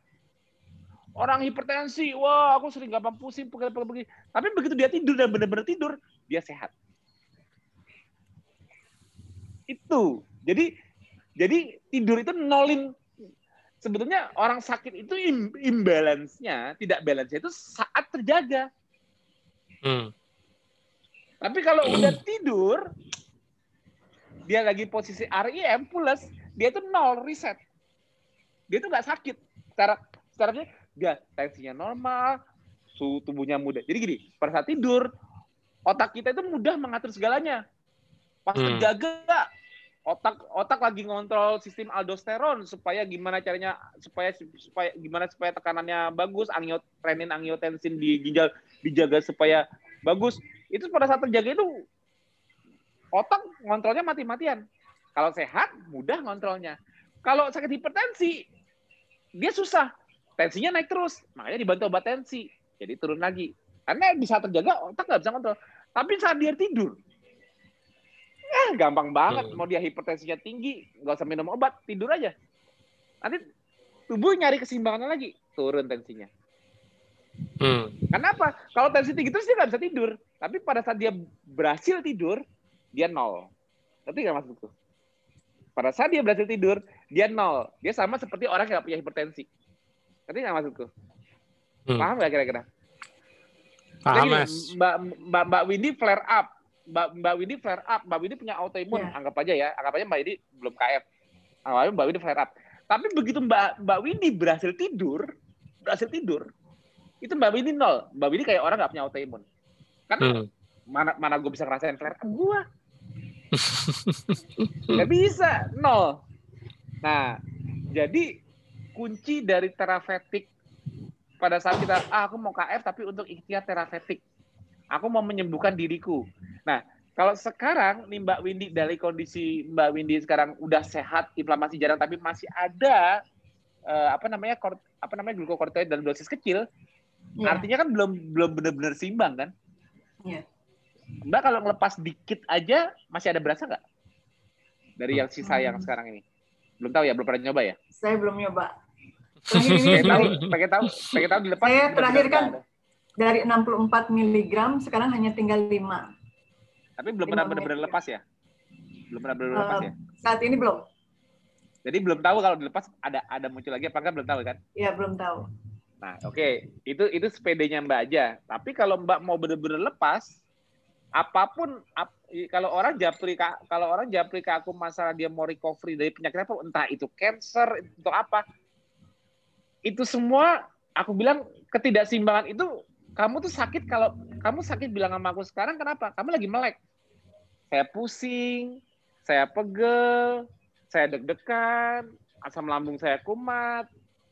Itu kan semua mereka kan ketidakseimbangan dia keluhkan. Dia ngeluh dia dalam kondisi aware apa? Dia sadar ini semua sakit. Ini semua tidak seimbang. Ya kan? Hmm. Tapi kalau semua orang yang lu sakit ini tidur, ada nggak kelihatan ketidakseimbangannya? Kelihatan nggak? Enggak kan? Nah, jadi tidur itu zona nol. Jadi tidurnya seseorang itu zonanya nol, reset point. Jadi kalau kalau orang-orang pada saat sakit dia tidurnya optimal, dia di saat tidurnya itu bakal mencari keseimbangan dari sisa yang tidak imbalance gini. Gue masih ada sakitnya nih belum tuntas. Tapi tapi berusaha tidur 6-8 jam sempurna sempurna terus sama ikhtiarnya dia. Itu insya Allah lebih cepat lagi sembuhnya. Kenapa? Karena apa? Hmm. Karena karena dari ikhtiarnya dia ngasih stres harian, recovery-nya sempurna ini ngebalance semuanya, nggak cuma ngebalance stresnya tadi, tapi ngebalance sisa-sisa penyakitnya dia yang belum beres. Hmm. Makanya rahasia tidur itu luar biasa loh. Karena itu reset pointnya semua orang. Oh, semua orang tuh semua orang tuh sakit saat terjaga, tapi tidak sakit saat dia tidak terjaga. Jadi kalau dia sering sakit, ya jangan sering hmm. terjaga. Itu jawabannya paling mudah. Ilmu ini ilmu ini tidak perlu dipelajari di zaman dulu. Kenapa? Karena orang dulu kalau udah sakit tahu dia tidur. Mau dia mau ngapain masa-masa ini? Kalau kita kan ada aja kerjaan, ada aja aktivitas, ada apa. Nah, padahal ini ilmu simpel alam. Alam aku ngerti fisiologinya tapi tapi ini nggak perlu aku ajarin ke orang zaman dulu. Nggak adil. Hmm. oh, aduh masnya baru tahu nih kalau aku harus tidur banyak. Berarti ketemu masnya dulu ya? Enggak lah orang dulu emang ketemu aku kan enggak tapi apa? Insting hmm. mereka. Insting mereka mengguidance mereka kalau aduh nih ada yang belum beres mendingan aku tidur gini. Dia nggak gini misalnya dia belum fully recover dia nggak maksain diri untuk tetap bergerak dia mendingan berusaha fully cover dulu biar dia nanti benar-benar bisa bergerak atau hmm. sehat total itu loh rahasianya jadi jadi jadi orang dari zaman dulu nggak diajarin tidur itu ialah reset point tapi hmm. orang zaman dulu menjalankan apa yang dia rasakan dia nggak yeah. nggak nggak dia nggak nggak berusaha fight fight diri mereka nah, hmm. nah kalau orang kita sekarang kan ada aja aduh aku pengen coba olahraga lagi nih siapa tahu lebih sehat sekarang eh ternyata masih belum malah ngos-ngosan Hmm. Tadi aku, aku udah fit nih, udah udah udah fit, udah udah nggak udah bagus. Ah coba ah mau olahraga lagi, siapa tahu udah bagus lagi. Eh tapi tapi malah membuat recovernya enggak saya selesai. Nah hmm. kalau aku sarankan jangan dulu. Bener-bener pastikan nggak tanpa ditambah stres apa pun seharian kamu seger lagi. Dah, wah itu top luar biasa. Hmm. Ah makanya pentingnya melihat tidur itu hanya dari sekedar molor. tidur itu bukan sekedar molor, tidur itu healing. Yeah. Tapi, tapi, tapi orang sehat yang tidak yang tidak pernah dikasih stres, contohnya nggak pernah olahraga, nggak pernah puasa, tadinya dia punya stress resistance gini malah turun karena nggak dipakai. Hmm. Hmm. Akhirnya malah sakit. Nah, jadi jadi di saat sehat kamu perlu beli stres. Hmm. Di saat sehat, di saat kamu fit, jangan pernah lupa untuk beri stres lewat puasa dan olahraga atau aktif bergerak supaya kamu menciptakan stres resistan terus yang lebih sehat. Tapi hmm. dikala kamu sakit, dikala kamu saat terjaga pada saat kamu terjaga kamu merasa tidak balance ada aja dirasa hmm. gimana gimana cara cara kalau aku nggak kalau aku lagi melek kayak gini aku ada aja yang dirasa sakit ini itu aku mau ke posisi yang aku nggak bisa ngerasa deh apa tidur akhirnya nanti rasa itu hilang. Eh, kok rasa itu hilang kayak lagi. Tapi benar, akhirnya rasa yeah. itu hilang karena yeah. karena kalau saat kamu terjaga, karena karena karena karena kalau kamu saat kamu terjaga, kamu terganggu terus, mendingan kamu ke posisi tidak terjaga. Itu yeah. rahasianya. Tapi kalau kamu terjaga, kamu sehat, tapi kamu nggak pernah memberikan stres, hmm. akhirnya kamu stres karena nggak pernah memberikan stres. Akhirnya apa? Akhirnya stres resisten turun, akhirnya malah sakit. Hmm. Jadi jadi problem di problem di masa kini ini, problem di dunia kita ini ialah apa? Orang-orang tidak ada yang banyak orang yang sedentari, banyak orang yang ya ya umum lah ya masalah obesitas. Tapi obesitas, sedentari, jarang bergerak, itu kan sebetulnya kalau orang bisa obes, itu kan artinya kan stres dia kecil. Kenapa stres dia kecil? Karena dia makan terus, dia nyaman, dia nggak mau olahraga, dia hmm. ya dia kayak capek tapi sebetulnya bukan capek fisik, tapi dia makan terus. Akhirnya hmm. apa? Padahal secara teori dia makan tiga empat kali sehari kan harusnya kan nggak stres. Tapi karena nggak pernah stres, tapi dia jadinya stres. Stresnya dalam bentuk apa? Chronic disease. Itu lebih hmm. jelek lagi. Iya. Yeah.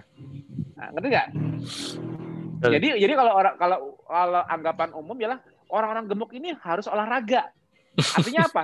Orang-orang gemuk ini harus stres. Supaya apa? Supaya dia stres resistannya naik dan dia sehat. Ya. Yeah. jadi jadi kalau kalau suruhan olahraga itu sebenarnya suruhan stres. Orang-orang gemuk ini harus stres badannya. Karena dia udah keenakan. Nggak pernah stres. Tapi dia harus stres untuk dia sehat. Tapi nggak maksudnya? Paham bahasanya olahraga. Bahasa ya ya benar. Olahraga puasa nggak ada bedanya mas? Yeah. kan stresnya sama. Beda gini yeah. kalau olahraga ini ini kan posisi simbang homeostasis yeah yeah. nggak stres nih ini stres hmm. nol ya hmm. kalau aku puasa kan aku kurang energi hmm. stres nggak jadinya hmm. ada gap ini kan ini kan ini kan ini kan nol nggak stres kalau aku yang ini puasa hmm. ini kan bisa gini ini energi ini kebutuhan energi ini energi imbang ya hmm. Hmm. kebutuhan energi di tubuh ini energi ini energinya imbang Hmm. Tapi kalau aku aku nggak memberikan kebutuhan ini kebutuhan energi, aku nggak memberikan energi ini karena aku puasa, hmm. berkurang nggak mas? Iya. Berkurang nggak? Nah, ber, jeda berkurangnya ini stres bukan? Stres. Stres. Makanya karena stres ini kita jadi melakukan autofagi, AMPK-nya aktif dan sebagainya. Karena hmm. stres. Oke, sekarang kembali nol lagi. Tadi kan puasa. Hmm. Sekarang kalau olahraga gimana? Ini kebutuhan energi, hmm. ini energi. Hmm. Nah, aku olahraga. Yang naik yang mana? Kebutuhan yang kebutuhan. Kebutuhan yang naik. Hmm. Nah, ngerti nggak? Jadi kebutuhan energi tadi segini. Aku kasih hmm. energi segini. Hmm. Nol stresnya. Hmm. Kalau aku puasa, aku mengurangi sumber energi untuk memberi ya, kebutuhan energi. energi. Ya, stres. Stres ini memicu autofagi, memicu hmm. mitokondria biogenesis setelah nanti makan, memicu hmm. sebagai hal. Karena aku hmm. kekurangan energi ada gap yang harus dipenuhi dari kebutuhan energi. Hmm. Di sinilah terjadi autofagi dan sebagainya kita harapkan efek dari sehat puasa. Hmm. Nah, kalau efek olahraga gimana mas? Ini kebutuhan energi, ini energi. Kalau dikasih pas nol, impas, gak ada stres. Hmm. Aku olahraga, kebutuhan energi yang meningkat. Hmm. Yang stress ini nggak ngejar. ini stres. Uh, ini juga apa? Autofagi, iya. biogenesis, apa sama. Bedanya uh. bedanya tadi ini yang turun, bedanya olahraga ini yang naik. Iya. Yeah. Tapi gap gap antara kebutuhan energi dan pemberian energi itu stres. Iya, jelas. Gimana? Mulai paham nggak? paham dapet, ya? Dapat lagi ya mas ya. dapat ya makanya ini fisiologi itu nggak mudah loh mati-matian loh mudah-mudahan sekarang makin kebayang oh seperti itu karena ini aku juga harus harus sambil jelasin sambil sambil apa ke uh, apa namanya ke ke hmm. ini jadi jadi jadi jadi kalau kalau mas aku kan ini, ini tadi apalin ya ini apalin analogi ini ya apalin hmm. gambar ini ya? Hmm. Hmm. kebutuhan energi. Di, di video ini kelihatan kan nanti di YouTube kelihatan, juga kan ya? Kelihatan Oke. kebutuhan energi. Pemberian energi. Nol. Stresnya berarti nol. Karena hmm. kalau selalu impas tidak ada stres. Nol. Ya. Mas begitu begitu kita ketosis begitu kita ketosis tadinya aku memberi energi cuma segini, beri energi cuma segini, begitu ketosis, hmm. aku memberi energinya gede. Karena apa? Bisa kebuka semua lemak di badan. Gudangnya gede. Wah, gede ya. Gede. Hmm. Nah, jadi kita lebih mudah untuk menurunkan sumber energi karena apa? Energinya udah banyak, jadi stresnya nggak gede. Hmm. Kita mudah menambahkan kebutuhan energi Kenapa? Bisa Karena dikejar keep up terus sama yeah. sumber yang besar dari sebelah sini. Hmm. Itulah ketosis. Ketosis hmm. itu kayak ketosis itu kayak tadinya tadinya akses ke gudangnya di, di, di susah nih keluarnya dikit-dikit. Karena kan pakai gula. Gula yeah. habis itu mesti ngisi lagi. Hmm. Gudang lemak kalau gulanya udah mulai udah kepepet banget lemaknya dikeluarin gitu. Makanya nah. susah banget ngeluarin lemak dari badan dulu kalau masih otaknya masih pakai gula. Begitu otaknya udah otak pakai lemak juga deh tapi dalam bentuk keton. Ya udah nih, ya udah kalau gitu gudangnya ambil aja. Jadi kayak brrr, jadi kayak kebutuhan energi itu kayak ya kayak jadi Segitu lebih. Jadi kalau aku mau mau mau nambah endurance olahraga gampang, hmm. mau ngurangin makan gampang. Kenapa? Hmm. Karena loading energi di belakangnya. Ya akhirnya hmm. stresnya turun. Maksudnya gini, hmm. bukan stres turun tapi stres resistan kemampuanku untuk menambah menambah olahraga dan mengurangi jendela makan jadi lebar. Begitu hmm. ketosis. Itu gratis. Nah, tapi dijaga. Tapi dijaga. Hmm. tapi enggak dijaga kemampuan mengambilnya. Itu rahasianya. Jadi kalau aku resep aku buat Mbak Widi kalau Mbak Widi ya alhamdulillah sekarang enggak tapi mungkin nanti Mbak Widi kalau udah berani ngelepas lima lagi ngelepas lima gramnya itu yang terakhir itu sambil dibanyakin tidur dulu. Jangan terjaga. Kalau saran hmm. Hmm. Jadi mencegah. Jadi biar cepat ketemu keseimbangannya nanti insya Allah nanti insya Allah nanti itu apa namanya lebih cepat itu apa uh, ketemu balance-nya. Makanya aku tadi begitu dapat autoimun, aku sudah tahu. Langsung aku nanya, Mbak, Mbak, Mbak kerasanya jam 3 ke atas nggak? Bener kan? Kenapa? Yeah. Autoimun itu kontrolnya itu di kortisol. Makanya hmm. makanya farmakologi mimetik membuat mimetik kortikoid supaya apa? Menambah jumlah kortisol supaya hmm. kita tidak makin nggak sakit. Makin nggak sakit, menekan imun. Tapi secara ya, tapi secara alami tubuh kita memang menekan imun itu memang dari secara diurnal. Hmm. Hmm. Nah itu ya rahasianya ya. Maksudnya gitu. Kenapa kenapa kita tidak mau kortisol berlebihan? Kenapa? Karena kita tidak mau membebani stress system yang mau kita gunakan. Yes. Bisa kita sampai mengalami exhaustion, kita keletihan. Kayak gini, wah Mas, aku udah udah udah bagus nih KF, tapi aku olahraganya kemarin kebablasan. Hmm. Kecapean gitu loh, aku kecapean olahraga, latihan, terus aku tidurnya kurang, nggak ada proses recovery-nya. Hmm. Jadi kayak kayak kayak setiap hari itu moodnya turun apa pun ini bisa sembuh nggak mas bisa ngapain tidur. Reset. Reset. Masih belum masih belum enak nih Mas hari kedua, tidur lagi. Tidur lagi. Masih belum fit, tidur lagi. Pokoknya makan tidur aja sampai kamu fit. Oh iya. Kenapa? Hmm. Karena pada saat kamu cuma makan tidur, kamu cuma parasimpatetik, parasimpatetik lagi, parasimpatetik, hmm. parasimpatetik lagi. Sim hmm. Simpatetiknya nggak dikasih naik. Kenapa? Karena simpatetik yang sebelumnya udah exhaustion. Hmm, Tapi hmm. akhirnya hmm. begitu begitu dipaksain kayak gini, nanti tiba-tiba pagi-pagi bangun kayak ih kok enak banget ya badan. Nah, itu. jadi jadi waktu yang aku habis pulang umroh itu seminggu aku nggak balas japlen, aku kerja cuma makan tidur. Hmm. Itu kayak kayak hari Senin itu kayak ah cerahnya matahari pagi. langsung ya. langsung kayak kayak kayak kayak amenyumen gitu kayak kayak aku kayak orang baru gitu loh. Malah aku rasa aku lebih seger sebelum berangkat umroh. Jadi kayak habis abis aku sakit seminggu itu tapi aku kayak kayak lebih seger dibanding kayak orang habis HC, lebih seger dari sebelumnya. Oh, gila enak banget ya. Nah, itu dia. Itu yang buat itu yang aku bilang uh, uh, rahasia sleeping is healing itu kenapa? Karena itu recovery phase-nya. Apa hmm. yang kita makan, kita masukin ikan, telur, ayam, daging, setelah diserap, itu nanti apa pun yang kita aja, misalnya aku tadi ngancurin otot nih, ototnya hmm. mau di, mau dipasang mau dipasang protein, walaupun kita udah makan, tapi proteinnya belum masuk dipasang loh, dia masih nunggu. Nah, nunggu tidur. Udah tidur nyenyak, nah pasangin semua, Rrrr, gitu. Karena karena energinya nggak boleh terbagi-bagi sama dia sibuk ini, sibuk ini, sibuk ini, sibuk itu. Paling hmm. tubuh itu paling bagus di cover di titik nol, reset point. Jadi jadi pesanku gini, kalau kamu saat terjaga banyak banyak banyak nggak enaknya, banyak imbalance-nya, bikin nggak terjaga, bius dirimu sendiri. Hmm. Karena di, di saat kamu bius dirimu, itu saat kamu paling balance. Jadi hmm. kalau gini deh, mudahnya gini analogi awamnya gini analogi awam. Kalau pada saat jaga kita tidak balance lagi atau kita ada imbalance, nah kita kita masuk ke zona yang bisa membalance. Jadi gini, kan aku udah bilang tadi, mau orang sehat, mau orang sakit, kalau udah sama-sama tidur, sama-sama balance-nya. Jadi kalau sama-sama hmm. udah tidur, orang tidur itu bukan orang sakit lagi, dia balance. Nanti nggak hmm. Ya. Orang diabetes, orang hipertensi, orang apa pun itu kan sakitnya kan saat dia terjaga. Tapi kalau dia pas dia udah masuk REM ya tidur, dia itu sama kayak orang yang atlet sekalipun sehat, dia dia sehat saat tidur. Nah, kalau zona kita terjaga itu kita banyak imbalance seperti orang sakit, hmm.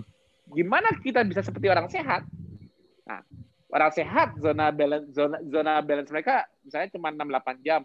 Orang sakit zona balance kita lebarin Hmm. Karena kalau kita banyak-banyak terjaga, kan kita banyak-banyak imbalance. Ada aja dirasa.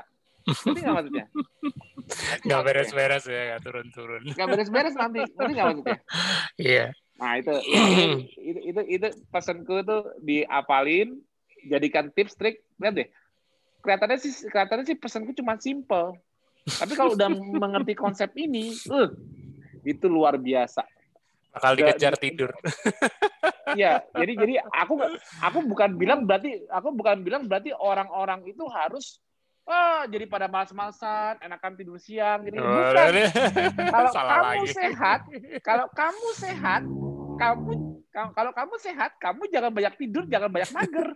Justru, iya. justru kalau kamu nggak kalau kamu nggak pernah aktif bergerak, nggak hmm. pernah puasa, kamu nggak pernah olahraga, Tuh. kamu punya kamu punya kemampuan 100 jadi turun 80. Contohnya apa? Contoh gini.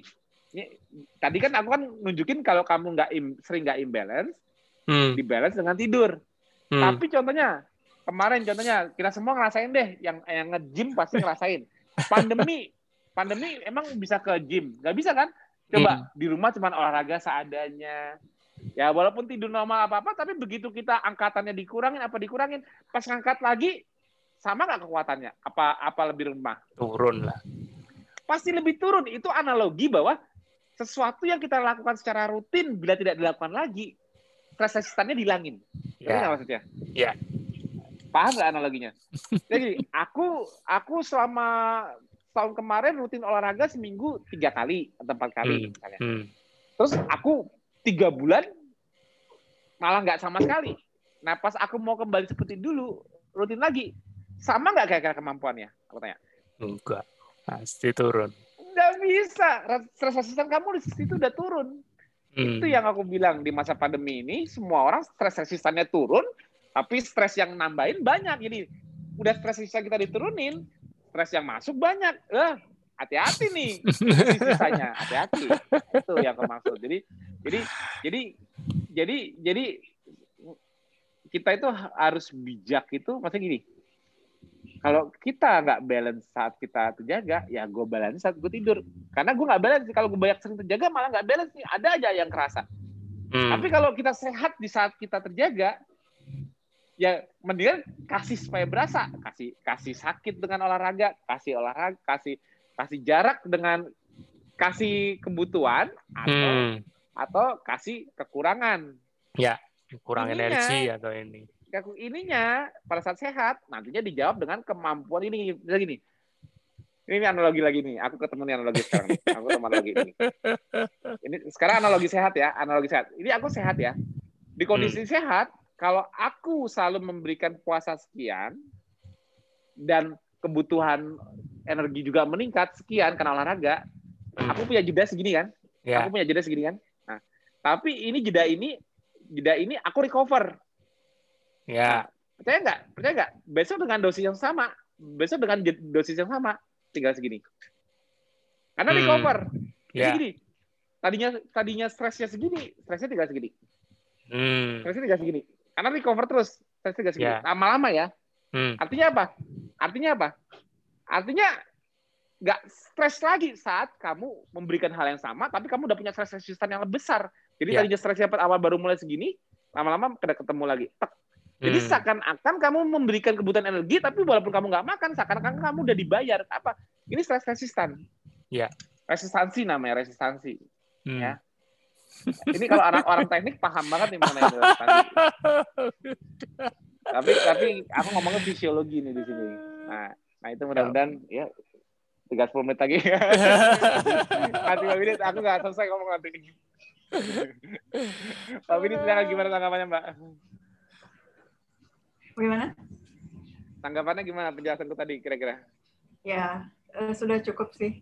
Jadi intinya kan memang kortisol berarti kan hormon stres kita ya yang berpengaruh di situ ya. Ya, ya makanya aku bilang Mbak kemarin waktu pas berhenti KF terus terus terus flare up-nya berlebihan ada tambahan stres kerasa nggak? Iya betul itu yang. Menghadapi tesis itu memang stres banget.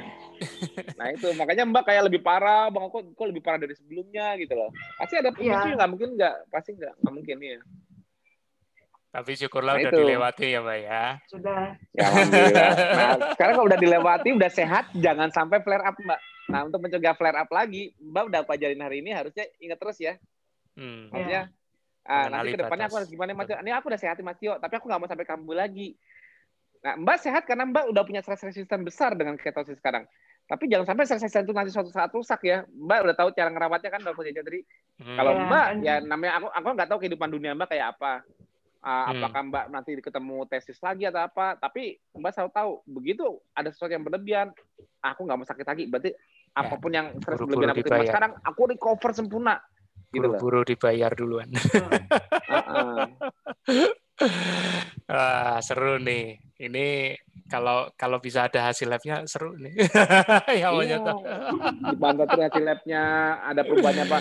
Jadi kalau kalau mbak gini nih, kalau misalnya kalau mbak punya hasil tiga bulan misalnya gini, wah aku sama ini HbA1 c bagus, misalnya aku apa, misalnya aku triglyceridnya bagus, apa aku bagus, eh tapi tapi tiba-tiba somehow kalau mbak biasanya kalau nggak jarang ngecek GDP, biasanya HbA1c deh HbA1c tiba-tiba naik loh kok kemarin udah udah ini bagus HbA1c kok dia triglycerid udah bagus malah naik HDL udah bagus malah turun hmm. daripada bingung daripada bingung daripada bingung apa aku makan salah apa makanya gak usah gak usah pusing coba deh kalau aku banyakin tidur recovery hmm. Hmm. kira-kira itu kembali normal lagi nggak HbA1c ku kembali lagi nggak nanti triglycerid tuh? ada hmm, HDL-nya naik. hmm. ada itu, itu, itu, kalau itu rahasiaku selama selama hampir 12 tahun rahasiaku menjaga aku aku pribadi tetap sehat ya aku harus mempunyai kontrol stres yang baik. Maksudnya gini kalau aku tiap hari menggunakan stresku aku harus mempunyai kontrol yang sangat baik. Aku hmm. aku nggak mau nggak mau apa nggak mau berlebihan hmm. eh, over stress dalam bentuk dosis aku nggak mau itu karena aku harianku aktif aku harus balas japrian aku apa. Aku pastikan ya aku tidur bagus juga nantinya makan bagus tidur bagus. Nah, jadi aku selalu membuat pagiku selalu nol. Nah, hmm. selalu berusaha kalau kalau teknik teknikku menenangkan diri dari dari masalah sosial mah mungkin nggak bisa ditiru orang karena aku kan orangnya memang kan santai guyon apa gitu. Aku nggak mau nggak mau nggak mau banyak uh, pusing masalah masalah sosial. Aku lebih kalau untuk stres aku mungkin lebih menjaganya stres badan. Hmm. memastikan bahwa kalau aku bisa olahraga recover Jadi kalau yang yang yang lain-lain aku nggak mau terlalu pusingin. Tapi ya itu kuncinya recovery sempurna. Itu semua menggunakan hmm. ember yang sama Nah, jadi hmm. recovery sempurna itu kunci dari perbaikan berbagai hal, termasuk penyakitnya. Jadi apa pun penyakit ya, aku nggak ngomong cuma satu dua penyakit. Hmm. Pesanku gini, apa pun yang memulai KF dengan keluhan tertentu dan pengen sembuh, bukan karena cuma diet atau pengen kurus doang, itu pastikan dia ngerti yang aku bilang tadi. Artinya apa? dia pada saat mau KF dia kan berada dalam kondisi imbalance. Hmm. Ya nih mas aku mau KF, aku udah difonis ini, aku dalam sakit ini, ini, ini. Nah, pastikan dia memulai dengan memperlebar dulu jendela tidurnya. Hmm. Cepat ketemu balance-nya, cepat ketemu fit-nya. Nanti nggak dia? Hmm. Paham ya? Oke. Okay. Kalau sudah fit, kalau sudah fit, jangan mager. Nanti malah turun lagi resistansinya. Justru justru dikasih dikasih tantangan lagi. Mulai hmm. pas sudah fit, tadinya sakit, sekarang menjadi fit setelah KF. Tapi fit ini nggak bertahan lama kalau nggak pernah dikasih tantangan, malah turun lagi. Caranya gimana supaya malah malah bisa tetap atau nambah? Ya ganti ditantang. Tadinya nggak pernah olahraga, sekarang udah fit setelah adaptasi dia fit, tampil olahraga ah. Hmm. Hmm. Aduh, baru olahraga udah kerasa capek nih. Ya iya udah seumur hidup nggak pernah olahraga. Oke, tidur yang bagus. Eh besoknya lama-lama, eh lama-lama mudah ya olahraga. Lama-lama mudah. Kenapa? Karena karena dia ngasih stres dibayar. Nah stresnya dia jadi oh makin enteng sekarang angkat beban. Awal-awal susah hmm. banget pegel-pegel nggak bisa tidur. Sekarang kok enteng banget ya. Nah hmm. gitu. Jadi jadi polanya ini selalu diperhatikan dalam dalam fungsi maintenance maupun fungsi terapeutik. Nah, kita harus harus bisa play di sini. Hmm. Ya, mudah-mudahan ini jadi bekal buat Mbak Windy, tapi juga yeah. siapa tahu bermanfaat buat bekal semua orang lain yang membutuhkan untuk fungsi terapeutik atau tahu tips cara menjaga gitu loh. Kayaknya tetap perlu diberikan. Kayaknya habis ini Mbak Windy bakal jadi role model lupus nih, autoimun. Nah, semoga bisa lebih menginspirasi banyak pasien-pasien lupus yeah. lainnya. Iya. Monggo Mbak Windy, satu ya, satu dua patah kata pesan untuk teman-teman uh, apa peserta TFH malam ini yang mungkin nanti juga bisa kasih uh, pesan ke saudaranya yang juga mungkin ngalamin autoimun. Monggo Mbak, silakan. Ya, dari berdasarkan pengalaman saya, jadi kalau untuk uh, mengikuti kata pastor ini memang perlu uh, niat yang kuat ya. Kemudian hmm juga kita harus selalu belajar tentang ketofastosis ini. Jadi ketika ada orang-orang yang mulai mengomentari gitu, kita sudah punya uh, bisa menguatkan diri gitu ya, uh, ketika dikomentari gitu ya, entah dari teman-teman atau yang lainnya. Kemudian untuk teman-teman mungkin ada yang juga autoimun juga di sini. Berdasarkan pengalaman saya memang untuk ketofastosis ini sangat Eh, banyak sekali untuk uh, menghilangkan nyeri ya, terutama karena autoimun apa pun jenisnya pasti keluhan paling utamanya nyeri yang paling banyak ya. ya. Hmm. kemudian baru yang lain-lainnya itu mengikuti. Tapi dengan nyerinya itu sendiri sudah sangat berkurang, itu kualitas hidup kita juga akan naik. Ya, betul. Nah, dan lebih pro healing. Jadi kalau makin rendah inflamasinya, makin pro ke healing. Jadi tubuh itu kalau yeah. selalu inflamasi nggak healing-healing. Tapi kalau ah. tubuh yeah. dibikin inflamasinya rendah dulu, ya apa pun penyakitnya insya Allah insya Allah ada repairnya kalau kemarin kalau ada kalau inflamasi ada terus tubuh itu sifatnya degeneratif terus rusak rusak rusak makin tambah parah terus. Tapi kalau hmm. kita bisa melakukan sesuatu untuk menurunkan inflamasinya artinya tubuh punya zona healing yang lebih baik. Akhirnya regener jadi gini loh regenerasi atau repair itu terjadi saat inflamasi rendah bukan inflamasi tinggi itu itu rahasianya jadi gimana caranya menurunkan inflamasi dulu betul hmm. Oke, okay, thank you Mbak Windy. Teman-teman ya, yang tertarik ingin tahu hasilnya seperti apa, ah, kontak aja langsung sama Mbak Windy. Ya, cari ya, tahu ya. aja. Mas Tio diributin aja, dikepoin. Tapi yang jelas Mbak Windy udah udah info tadi, beliau ada di Bogor, jadi boleh kontak ya. Aku sih nggak nggak pegang nomor handphonenya, jadi jangan tanya ke aku. Mas Tio aja. sekali-sekali, sekali-sekali Mas Tio. Oke, oke, thank you semuanya ya. Kita kita sudah di penghujung acara. Makasih Mbak Windy, makasih ya, juga sama. Mas Tio yang selalu setia ya, ya kan dengan TFH dan SFH-nya. Oke, selamat malam semua teman-teman. Kita masih ada TFH lagi hari Sabtu nantikan pengumumannya di wall ya Mas Tio. Oke, selamat malam, sampai jumpa.